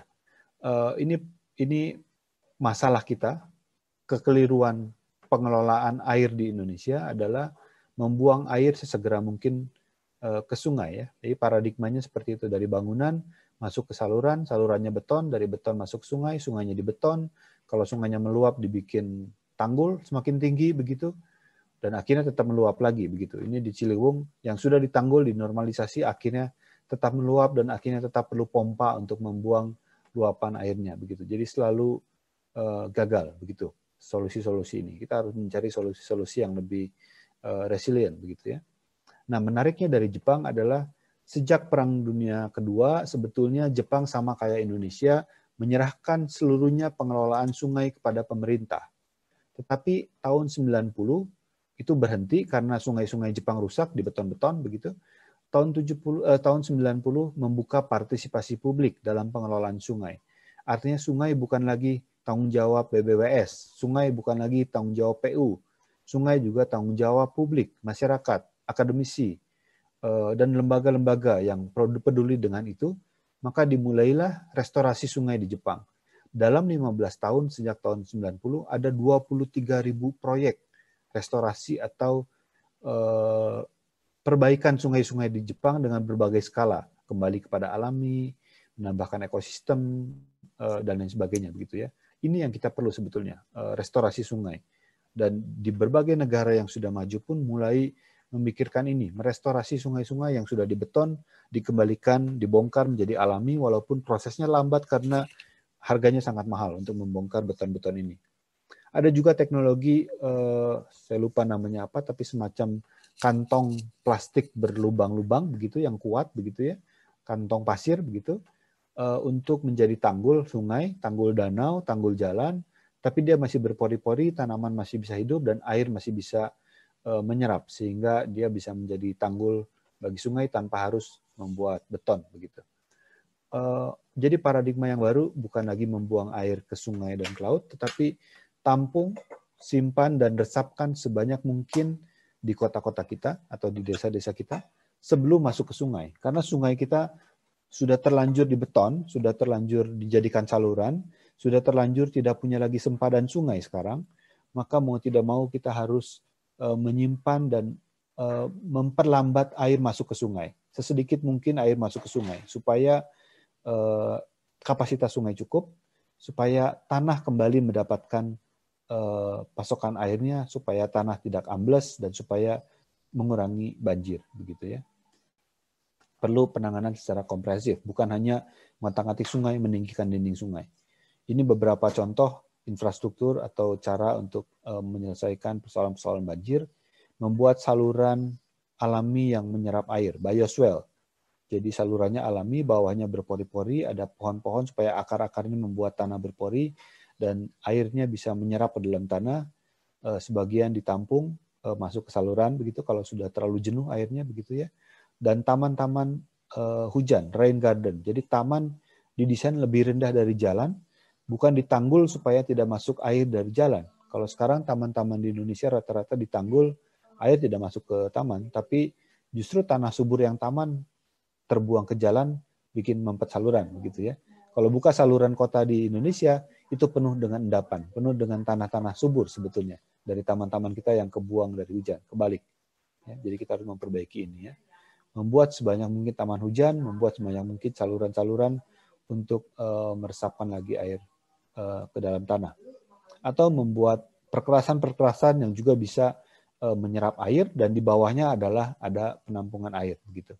Ini contoh bagaimana membuat perkerasan di bawahnya dengan penampungan air tetap solid, tetap kuat untuk menampung beban kendaraan, eh, tetapi dia berlubang-lubang dan dari lubang-lubang itu tidak masuk kotoran supaya tidak mempet dan airnya bisa tetap merasap ke dalam tanah di kiri kanannya sehingga air bisa tetap meresap tanpa mempet begitu uh, tetap bisa membuat uh, perkerasan. Kemudian adalah contoh beberapa respon uh, holistik perencanaan pengendalian banjir. Ini contoh di Jepang. Indonesia sayangnya belum punya ini sehingga pengendalian banjirnya masih uh, parsial, masih tidak holistik dan banyak salah uh, diagnostik masalah ya sehingga solusinya menjadi salah begitu ya uh, jadi harus menangani secara holistik. Contohnya adalah membuat uh, penanganan dari hulu sampai hilir dan dikendalikan secara menyeluruh. Mereka membuat contohnya stadion atletik Yokohama di pinggir kawasan retensi Sungai Surumi. Jadi mereka perlu membuat kawasan atletik, stadium atletik, tapi selain itu mereka membutuhkan lahan ini juga sebagai kawasan retensi sungai jadi kenapa tidak berfungsi sebagai dua-duanya? Kalau di Indonesia kan enggak, tanah ditimbun setinggi mungkin lebih sungai supaya tidak banjir ya. Kalau di sini kebalikannya, tanah digali supaya lebih rendah dari sungai, sehingga ketika sungai meluap, tanah ini menampung air dari luapan sungai, agar air sungainya yang meluap itu tidak menjadi masalah bagi lokasi yang lebih rendah di bawahnya, begitu. Jadi secara berkala, eh, secara bertahap, banjirnya kawasan ini sesuai dengan debit sungai dan hujannya ya. Jadi sebagian masih setengahnya, kemudian perlahan-lahan masuk sehingga akhirnya memenuhi seluruh kawasan lahan stadium ini menjadi kawasan banjir, kawasan retensi, sementara atasnya fungsi bangunannya tetap berfungsi tidak terganggu karena eh, dibuat dengan sistem panggung dan ada untuk air buka tutup begitu. Eh, kalau tidak ada surumi eh, apa namanya stadium Atlantik ini yang berfungsi sebagai retarding basin eh, atau kawasan retensi, maka akan menyebabkan bencana yang sudah pernah terjadi tahun 58 begitu di kawasan yang lebih hilir di bawahnya itu banjir 664 hektar. Jadi kawasan Stadium Atletik ini bisa membantu kawasan 664 hektar di bawahnya karena debit sungainya dikurangi dan diresapkan di kawasan uh, atasnya begitu ya. Kerugian juga akan jauh berkurang. Kemudian mereka juga banyak selain kawasan retensi juga kawasan detensi. Detensi itu tidak bisa menyerap tetapi menyimpan sementara ya. Eh, yang dikelilingi perdu karena kawasan kolam yang dikelilingi pepohonan dan perdu itu penguapannya lebih rendah. Karena itu bisa menyimpan air lebih lama begitu ya dibanding uh, yang tanpa pepohonan. Mereka mereka membuat dengan pepohonan ya. Lalu ada lagi uh, kawasan-kawasan lapangan tenis, lapangan olahraga, halaman sekolah, itu juga dijadikan kawasan retensi dengan eh, atau detensi ya. Kalau sudah perkerasan maka mungkin tidak meresap, dia akan menyimpan, dibuat kawasan lapangannya lebih rendah misalnya untuk menyimpan air begitu karena ketika musim hujan pun toh lapangan tenis tidak akan dipakai begitu ya. Halaman juga tidak akan dipakai maka dia bisa menjadi tempat meresapkan. Jadi justru kita menyediakan banyak kawasan di tengah kota justru harus Eh, menampung banjir supaya mengurangi eh, masalah banjir yang ke mana-mana dan tidak terkendali. Ya. Juga perkerasan-perkerasan. Setiap rumah memiliki eh, saluran resapan. Setiap apa namanya perkerasan di jalanan juga menjadi perkerasan yang permeable bisa meresapkan air begitu. Dan karena DPL Tokyo yang sudah 4 meter di bawah permukaan laut ketinggiannya terlanjur dulunya pernah ambles itu tanahnya 4 meter di bawah laut, tidak ada cara lain, mereka harus terpaksa membuat teknologi kolam detensi raksasa di Tokyo. Ini gorong-gorong raksasa yang sangat mahal di bawah kotanya. Walaupun masih tetap diragukan apakah akan cukup sampai seterusnya karena pertumbuhan iklim, perubahan iklim yang seperti saat ini. Jadi harus ada cara-cara lain karena selain membuat gorong-gorong ini. Karena membuat gorong-gorong yang lain lagi akan juga sangat mahal begitu ya. Eh, bukan selalu menjadi tidak bisa menjadi solusi jangka dekat ya. Nah Indonesia sama masalahnya eh, musim hujan kebanjiran, musim kemarau kekeringan, tidak ada air. Bukan hanya enam kota terbesar, tapi di banyak kota-kota kecil pun kita terus kebanjiran. Dan musim kering kita kekurangan air bersih. Ini masalah artinya kita ada masalah dalam pengelolaan air kita ya. Eh, contoh bagaimana kota kita salah direncanakan itu adalah Jakarta. Dikembangkan oleh Batavia pada abad 17 mulai kita lihat sungai-sungai sudah mulai diturap ya. Tidak lagi alami tidak lagi ada sempadan sungai sudah ada jalan di kiri kanan sungai yang dulunya pasti sempadan awalnya begitu. Kalau kita lihat petanya masih banyak kawasan biru sebelah kanan itu eh, baik Jakarta Batavia eh, Surabaya dan tempat-tempat lain banyak kawasan-kawasan biru kalau kita lihat di petanya. Kawasan air begitu ya. Dan kalau kita lihat toponimi Jakarta, ini masih peta tahun 45 kalau tidak salah.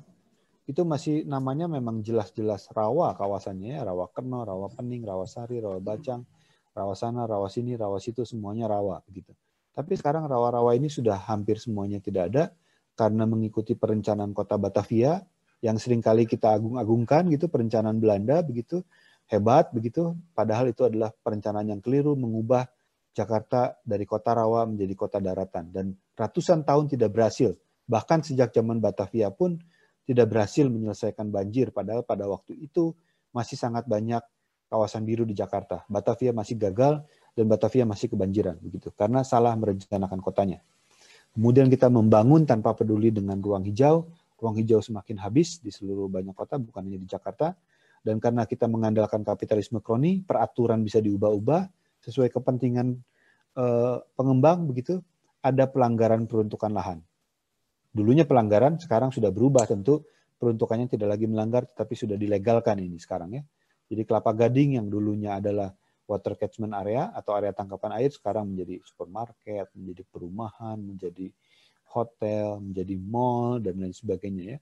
Pantai Kapuk yang dulunya bahkan hutan lindung mangrove sekarang menjadi banyak perumahan mewah dan lain sebagainya. Jadi ada sekian puluh juta meter persegi lahan yang dilanggar karena kapitalisme kroni begitu. Dan inilah yang juga menyebabkan uh, banjir. Jadi ketika kami mengerjakan salah satu rumah di Kelapa Gading, kita lihat sejarahnya Kelapa Gading seperti ini sampai tahun 90 masih air semua. Akhirnya 2006 berubah menjadi daratan sudah semuanya padat begitu.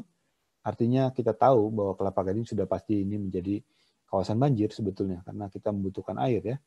Maka desain kami mengadaptasi rumah Betawi, panggung, membuat resapan sebanyak mungkin di bawah rumah. Kalaupun tidak bisa meresap, paling tidak dia menjadi detensi, menyimpan air, menampung air hujan untuk sebagai salah satu sumber pasokan air bersih, begitu. Membuat ruang hijau yang relatif cukup ya. Pada musim kemarau, eh, uh, rumahnya seperti pada rumah umumnya, sama-sama saja.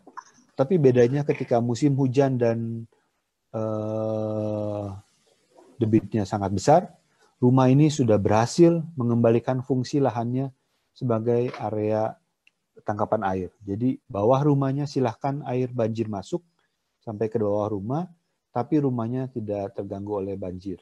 Sayangnya jalanan yang dibangun oleh pemerintah juga bukan jalanan panggung, jadi kebanjiran juga. Jadi penghuni rumahnya pun tidak bisa bebas beraktivitas begitu ya, karena jalannya banjir. Nah, beda kalau ini dibangun sebagai kota air, menyadari Jakarta kota air, maka jangan membangun jalan seperti ini. Jalannya panggung, rumahnya panggung, banjir, hujan silakan datang, maka kotanya akan aman gitu. Karena itu Akanoma banyak sekali membuat bangunan-bangunan panggung untuk memprediksi persoalan banjir yang semakin lama semakin banyak di masa depan bahkan di kota-kota yang sebelumnya tidak banjir ya. Uh, ini di di di di Jakarta. Uh, kita lihat bangunannya panggung di bawah panggung untuk menyerap air hujan atau menyimpan air begitu. Uh, contoh lain Semarang yang Little Netherlands tadi kami sempat saya sempat membimbing uh, mahasiswa S2 ITB untuk isinya dicek. Untuk uh, mendesain di salah satu kawasan di Semarang uh, yang menghadapi masalah penurunan tanah, rob air laut, uh, dan banjir ya. Jadi kami mengusulkan untuk mengubah uh, kawasannya ini secara bertahap, yang dari sudah dibangun oleh masyarakat dan pemerintah sebagai kawasan uh, daratan perlahan-lahan kita pikirkan supaya rumahnya bisa direnovasi menjadi rumah panggung dan eh, jalanannya juga perlahan-lahan menjadi jalanan panggung sehingga kawasan ini perlahan-lahan juga bisa menampung air yang memang sudah terlanjur tanahnya terus-menerus turun begitu ya. Ini contoh ilustrasi jalan yang dibangun eh, menggunakan modular strukturnya sehingga jalan yang semula ada di bawah bisa saja lima tahun, 10 tahun kemudian dipindahkan ke atas karena persoalan Semarang misalnya tidak berhasil menyelesaikan persoalan air bersih sehingga penurunan tanahnya terus terjadi, maka mau tidak mau jalannya harus pindah ke atas tanpa harus ditimbun terus-menerus. Karena kalau ditimbun tetap akan kebanjiran dan kita harus e, membongkar banyak bukit untuk mengambil galian untuk menimbun ya itu juga masalah ya. E, jadi visi Jakarta buat saya adalah harusnya Jakarta kota air dan juga membuat bangunan dan jalan panggung tanpa basement karena basement juga uh, memblok area resapan begitu ya. Tetapi sebetulnya bukan hanya buat Jakarta, tapi buat banyak kota sekarang perlu sudah mulai segera memikirkan kota yang sensitif air, membuat kota yang mendapatkan resapan air sebanyak mungkin, menyimpan air sebanyak mungkin supaya uh, tidak terus sepanjang tahun sepanjang tahun terus menerus menghadapi banjir. Dan pasar misalnya sudah pasti banjir begitu ya. Uh, perlu juga mulai memikirkan setiap pembangunan baru mengarah kepada uh, kota yang adaptif uh, terhadap banjir, menyimpan ruang air uh, sebanyak mungkin ya. Ya kalau kita sudah punya visi kota air seperti foto sebelah kiri, dia sudah siap dengan kota air tidak ada masalah. Bukan banjir itu memang kotanya kota air. Yang sebelah kanan juga harusnya sesantai itu menghadapi banjir Jakarta, tidak seperti yang di bawah begitu ya. Semua keributan, semua politik masuk, semua urusan masuk, sungai dirusak, dibeton, meluap lagi, dibeton lagi, meluap lagi, ambrol lagi dan lain sebagainya. Jadi harusnya kita mulai adaptasi terhadap uh, kondisi lingkungan kita, memperbanyak siklus air seperti pada yang kita kerjakan di uh, Ocean of Life Indonesia di Gunung Kidul tadi ya. Eh, setiap pembangun kota harus diarahkan kepada peningkatan ruang secara vertikal dan penambahan hutan kota pada ruang hijaunya. Pembangunan juga sekaligus harusnya adalah sebagai proses perbaikan ekologi kota, bukan proses merusak kota semakin kronis begitu. Eh, beberapa contoh walaupun Netherlands mengklaim sebagai Dutch solution fighting with floods, tapi sebetulnya kita punya kota-kota yang sudah beradaptasi terhadap banjir atau tidak lagi mengalami kebanjiran sejak awal ya sebagai kota air. Ini contohnya di Agats, Papua, kota kecil baru begitu. Dia berdiri di atas rawa tanpa menimbun rawa, jalannya tidak ditimbun tapi berupa jalan panggung. Maka ketika musim hujan rawanya penuh air, rumahnya aman, jalannya aman. Atau ini di Kampung Kahayan, di eh, Kampung Pahandut di Palangkaraya, di Sungai Kahayan, ya, pinggir Sungai Kahayan. Mereka sudah beradaptasi, Sungai Kahayan itu sangat besar, begitu, e, mengalami pasang surut air laut kalau tidak salah. Jadi setiap hari ini akan pasang surut, begitu. Jadi ketika pasang, rumahnya panggung di atas air, ketika surut, e, bawahnya menjadi halaman. Anak-anak bermain layang-layang, e, dan lain sebagainya. ya. Mereka sudah beradaptasi tanpa mengubah kondisi alamnya, dan tanpa meninggal menghilangkan fungsi sempadan air sungai, fungsi ruang air yang dibutuhkan bagi kotanya begitu. Walaupun mereka tetap membangun uh, fungsi uh, permukiman di atasnya ya. Atau tentu saja kampung Bajo ya. Kita nggak pernah bilang Bajo kebanjiran kan? Bajo selalu di atas air tapi Bajo tidak pernah kebanjiran. Jadi harusnya manusia kita lebih cerdas daripada manusia Bajo. Terima kasih. Oke, terima kasih banyak Pak Yusing. Jadi uh, informasinya hari ini sangat menarik sekali, ya. Kemudian seperti biasa kita buka kembali sesi uh, diskusi tanya jawab. Barangkali ada teman-teman atau mahasiswa yang ingin bertanya. Ini sudah ada satu pertanyaan masuk di kolom uh, komen.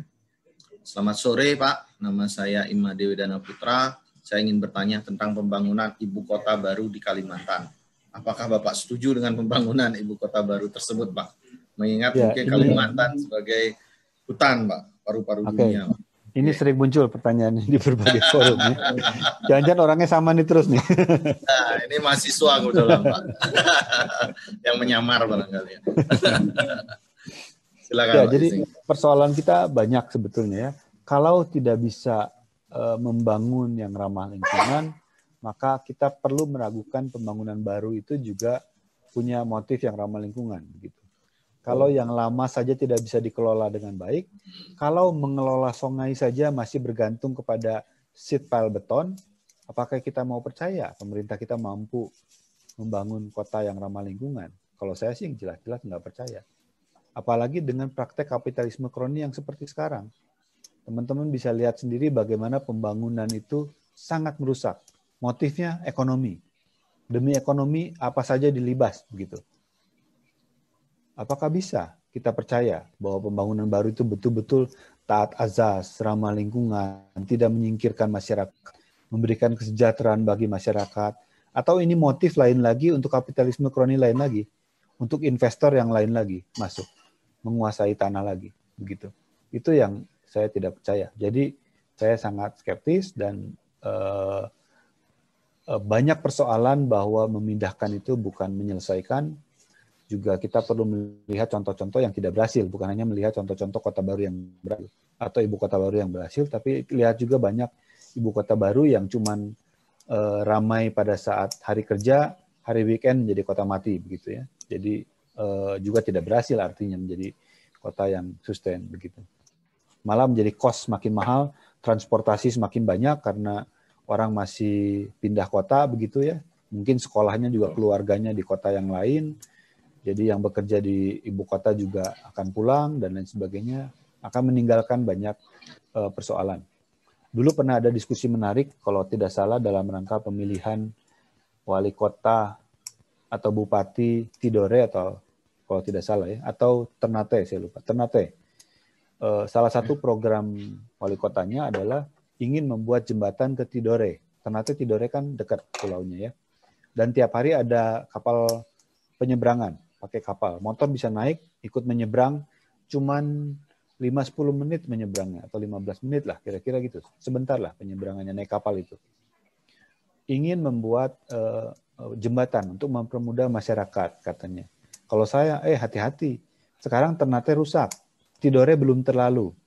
Begitu dibikin jembatan, jangan-jangan Tidore jadi semakin rusak. Gitu. Kira-kira itulah ya. Jadi kalau kita belum punya ya, kota ya. yang bisa dikelola dengan baik, kota-kota kita yang menghadapi masalah banjir, menghadapi masalah rob, baru-baru saja belakangan hari kemarin lihat berita Pekalongan tanggul laut di Pekalongan jebol. Ya itulah kita menyelesaikan masalah rob, masalah intrusi air laut, masalah abrasi masih dengan tanggul, artinya masih salah begitu menurut saya. Karena di mana-mana pun eh, struktur keras yang murni struktur keras begitu tidak bekerja sama dengan uh, hutan mangrove, dengan pengembalian hutan mangrove-nya, itu akan selalu membuat uh, masalah baru. Terima kasih. Oke, terima kasih Pak Yusing. Ini ada satu pertanyaan titipan buat saya. Uh, bagaimana cara merawat bangunan panggung? Karena tadi didengar solusinya bahwa untuk kondisi uh, menghadapi beradaptasi dengan banjir adalah solusinya bangunan panggung. Bagaimana cara merawat bangunan panggung dan berapa ketinggian?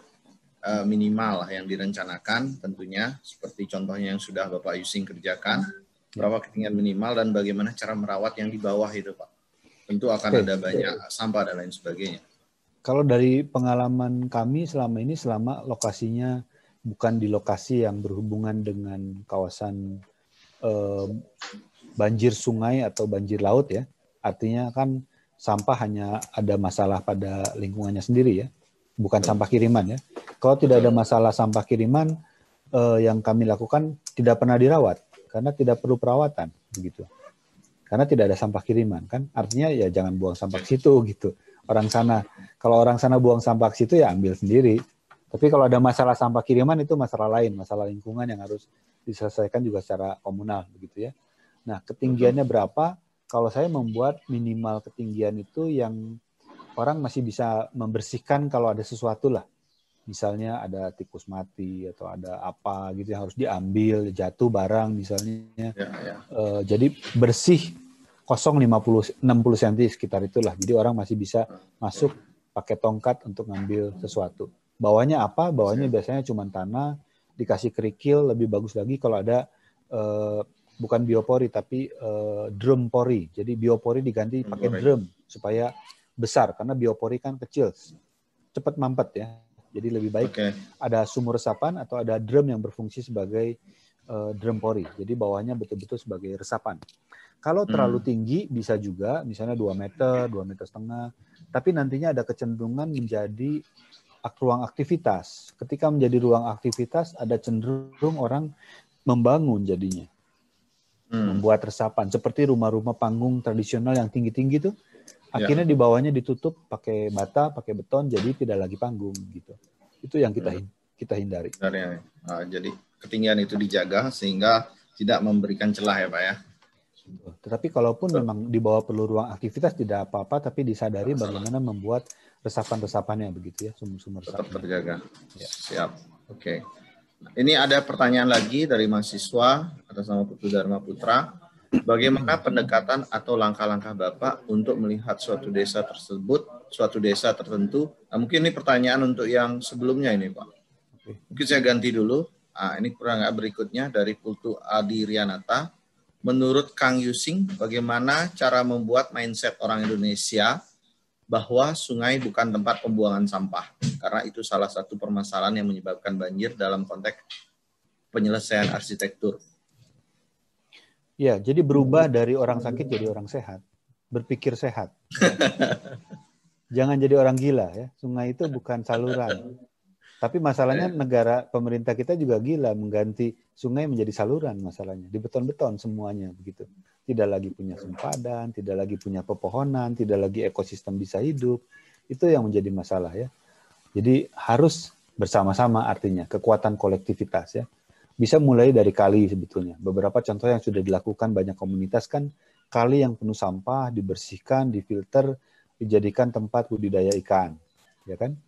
Jadi dengan banyaknya ikan menarik, eh warga seru ngeliatin ikan, maka nggak mau lagi buang sampah karena sudah ada ikannya. Jadi warga takut sama ikan dibanding sama buang sampah begitu. Jadi sebetulnya, jadi banyak banyak ya. cara lah, banyak cara. Tapi tentu uh, itu persoalan persoalan yang saya kira uh, penanganannya berbeda-beda tergantung budaya uh, masyarakatnya betul. begitu.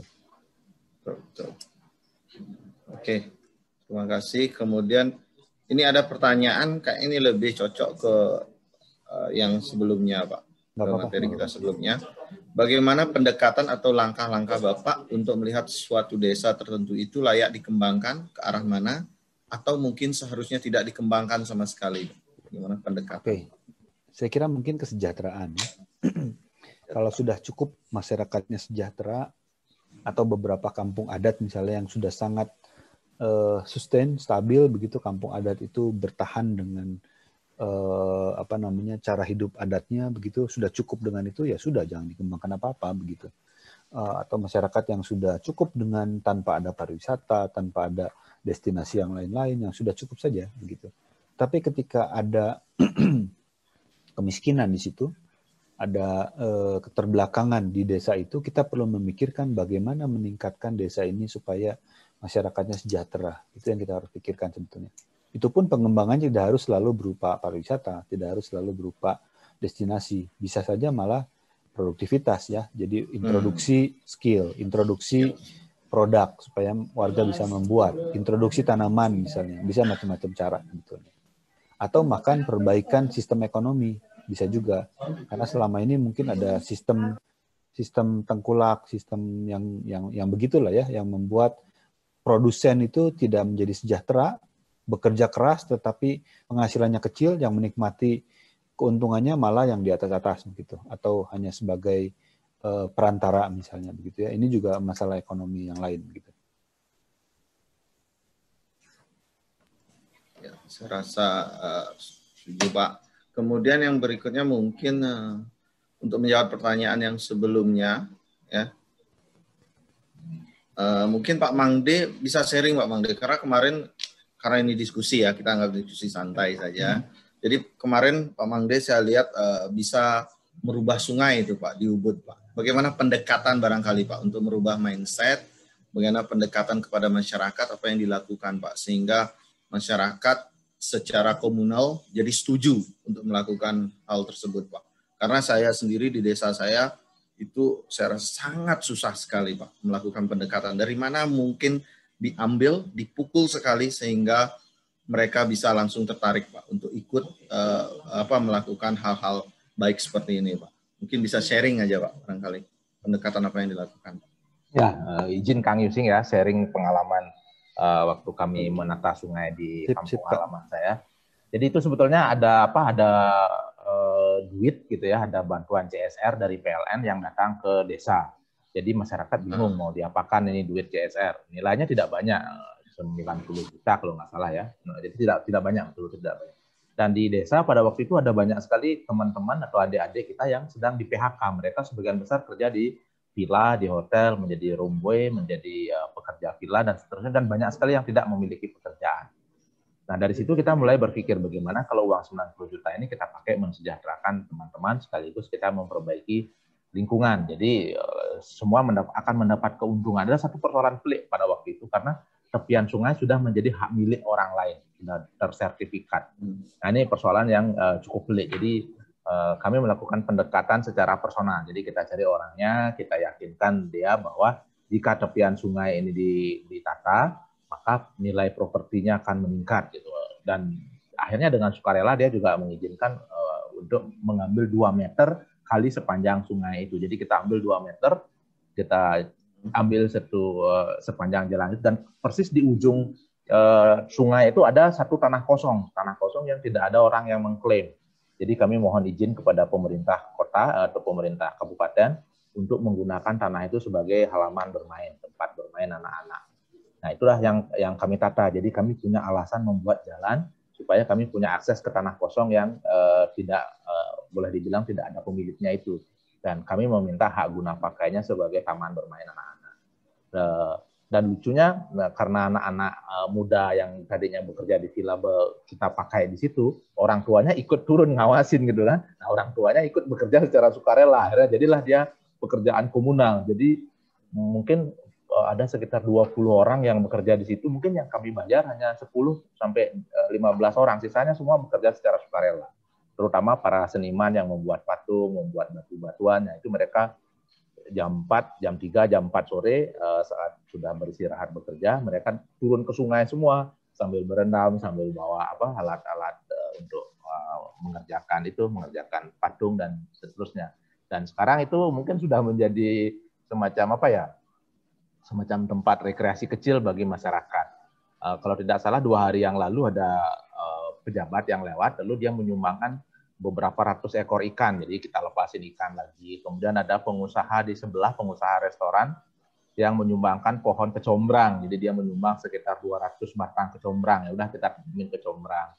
Kemudian ada yang uh, pengusaha juga yang menyumbangkan pohon serai. Ya udah kita tanamin pohon serai di situ. Jadi sekarang uh, sudah lumayan bagus di situ meskipun belum jadi sekali karena memang ini saya sampaikan ke teman-teman bahwa ini tidak akan pernah jadi karena uh, apa sumbangan kita terus akan akan kita perlukan untuk memikirkan ini. Jadi uang yang tidak seberapa itu mungkin hmm. impact-nya sudah tiga empat kali lipat dari nilai uh, yang kita terima. Kira-kira itu kira-kira Pak Win. Oke, terima Pak. Terima kasih Pak Mande. Jadi uh, mungkin itu sharing uh, terakhir yang bisa saya berikan waktu hari ini ya. Jadi sebelum saya akhiri, saya akan menyimpulkan uh, diskusi kita hari ini. Mungkin Pak Yusing ada yang mau disampaikan dulu Pak sebelum saya simpulkan. Cukup Pak, bagus sekali. Cukup, oke. Okay. Terima kasih. Terima kasih. Jadi uh, jadi dari hasil diskusi kita dapat saya simpulkan bahwa uh, kita sangat membutuhkan sekali adaptasi baru ya, respon baru, resiliensi baru dalam kondisi saat ini ya, sebelum semuanya menjadi semakin parah ya, dimulai dari banjirnya pariwisata yang datang dan banjir air yang juga kita hadapi ya. Jadi banjir wisata itu diawali dengan ketimpangan ekonomi tentunya ya. Jadi ketimpangan ekonomi ada kepemilikan tanah yang dikuasai oleh kroni-kroni tadi ya. Jadi uh, ketimpangan antara kebutuhan masyarakat juga dan respon dari pemerintah yang yang kurang sinkron. Jadi uh, seperti yang disampaikan tadi ya. Jadi ada kebutuhan masyarakat menolak investor tapi justru pemerintah mengundang investor. Jadi hal-hal seperti itu yang perlu diperhatikan sehingga uh, dampak negatifnya tidak uh, bermunculan. Nah, dalam mengelola pariwisata sangat penting sekali kita mengajak masyarakat untuk sharing. Jadi bukan membeli atau menyewa tanah, tapi mengajak masyarakat untuk bekerja sama antara pemilik tanah atau masyarakat itu sendiri bersama investor, sehingga harapan kita sejahtera bersama itu bisa terwujud. Ya, kemudian untuk yang kedua tentang sensitif air, ya. Sensitif air mana ini kesimpulan saya? Ya jadi uh, kuncinya adalah kita sebagai masyarakat sudah harus menyadari ya merubah pola kita untuk menjaga air ya. Kuncinya adalah yang pertama uh, restorasi sungai. Tadi sudah disampaikan restorasi sungai yang sudah jelas-jelas kita beberapa kali sudah gagal membuat tanggul ya merubah uh, fungsi sungai yang seharusnya ya. Jadi uh, dibuatkan tanggul-tanggul beton, kemudian bagaimana kita cara menjaga air dengan menyalurkan air bersih kepada masyarakat sehingga mengurangi uh, perilaku masyarakat yang menyerap uh, air tanah yang menyebabkan berkurangnya muka air tanah, kemudian meningkatkan penyerapan air kembali untuk meningkatkan muka air tanah, kemudian berlaku menyimpan, tampung dan resapkan ya. Jadi uh, perlu perubahan-perubahan perilaku ketika dari pendekatan arsitektur kita mulai berpikir untuk tidak melawan air tapi hidup bersama air ya seperti dengan cara membuat rumah panggung. Itu salah satu solusi yang sudah dilakukan oleh Bapak Yusing ya. Jadi saya rasa itu Mungkin yang bisa sedikit, saya sedikit tambahan okay, buat soal yang sungai tadi di pertanyaan terakhir ya jadi saya kira okay. kenapa orang buang sampah juga salah satunya karena selama ini pola hidup kita tidak lagi menjadikan sungai sebagai tempat kita berinteraksi dengan alam gitu ya jadi sungai hanya bagian yang ada saja, tapi tidak ada usaha konektivitas manusia dengan sungai. Itu yang hilang. Akibat hilangnya konektivitas manusia dengan sungai, akhirnya kita tidak memelihara kebersihan sungai.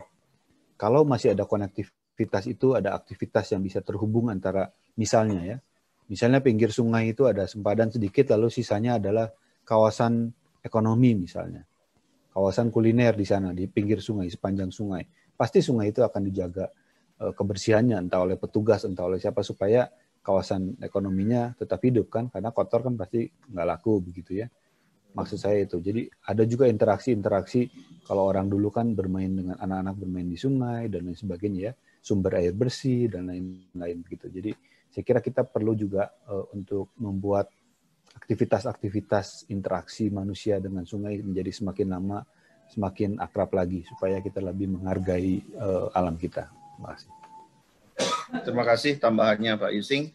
Jadi sebelum saya akhiri, uh, saya perlu memberikan pengumuman kepada mahasiswa yang sudah uh, join hari ini ya. Jadi link absensi sudah uh, ditaruh di kolom komentar ya sebelum saya akhiri. Jadi akhir kata saya ucapkan terima kasih banyak kepada narasumber kita hari ini Pak Yusing, juga kepada rekan-rekan dosen. Jadi ada masih ada Pak Muluk yang masih join sama kita, ada Pak Gungde, eh, juga kepada mahasiswa yang sudah menyempatkan hadir hari ini. Saya ucapkan terima kasih atas atensinya. Jadi uh, acara ini buat saya ini sangat baik sekali ya untuk meningkatkan kesadaran kita bersama ya tentang pentingnya peran arsitek membantu dalam menjaga kelestarian alam dan menjaga masyarakat uh, menengah ke bawah juga yang juga memimpi-mimpikan rumah yang memiliki nilai arsitektur juga ya. Terima kasih.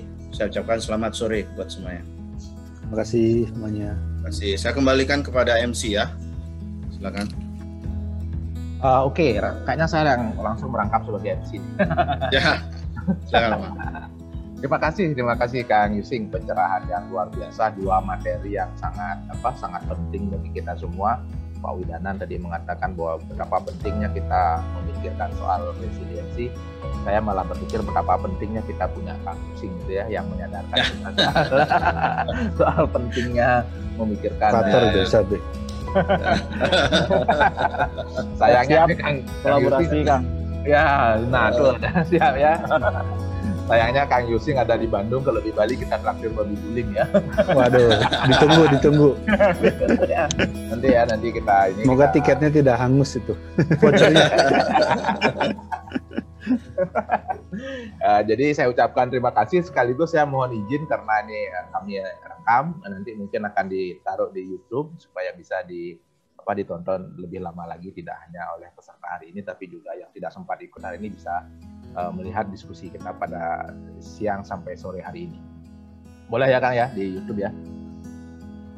Uh, terima kasih. Uh, selamat ke sore. Selamat sore. Selamat sore. Selamat sore. Sehat. Ya. Yeah.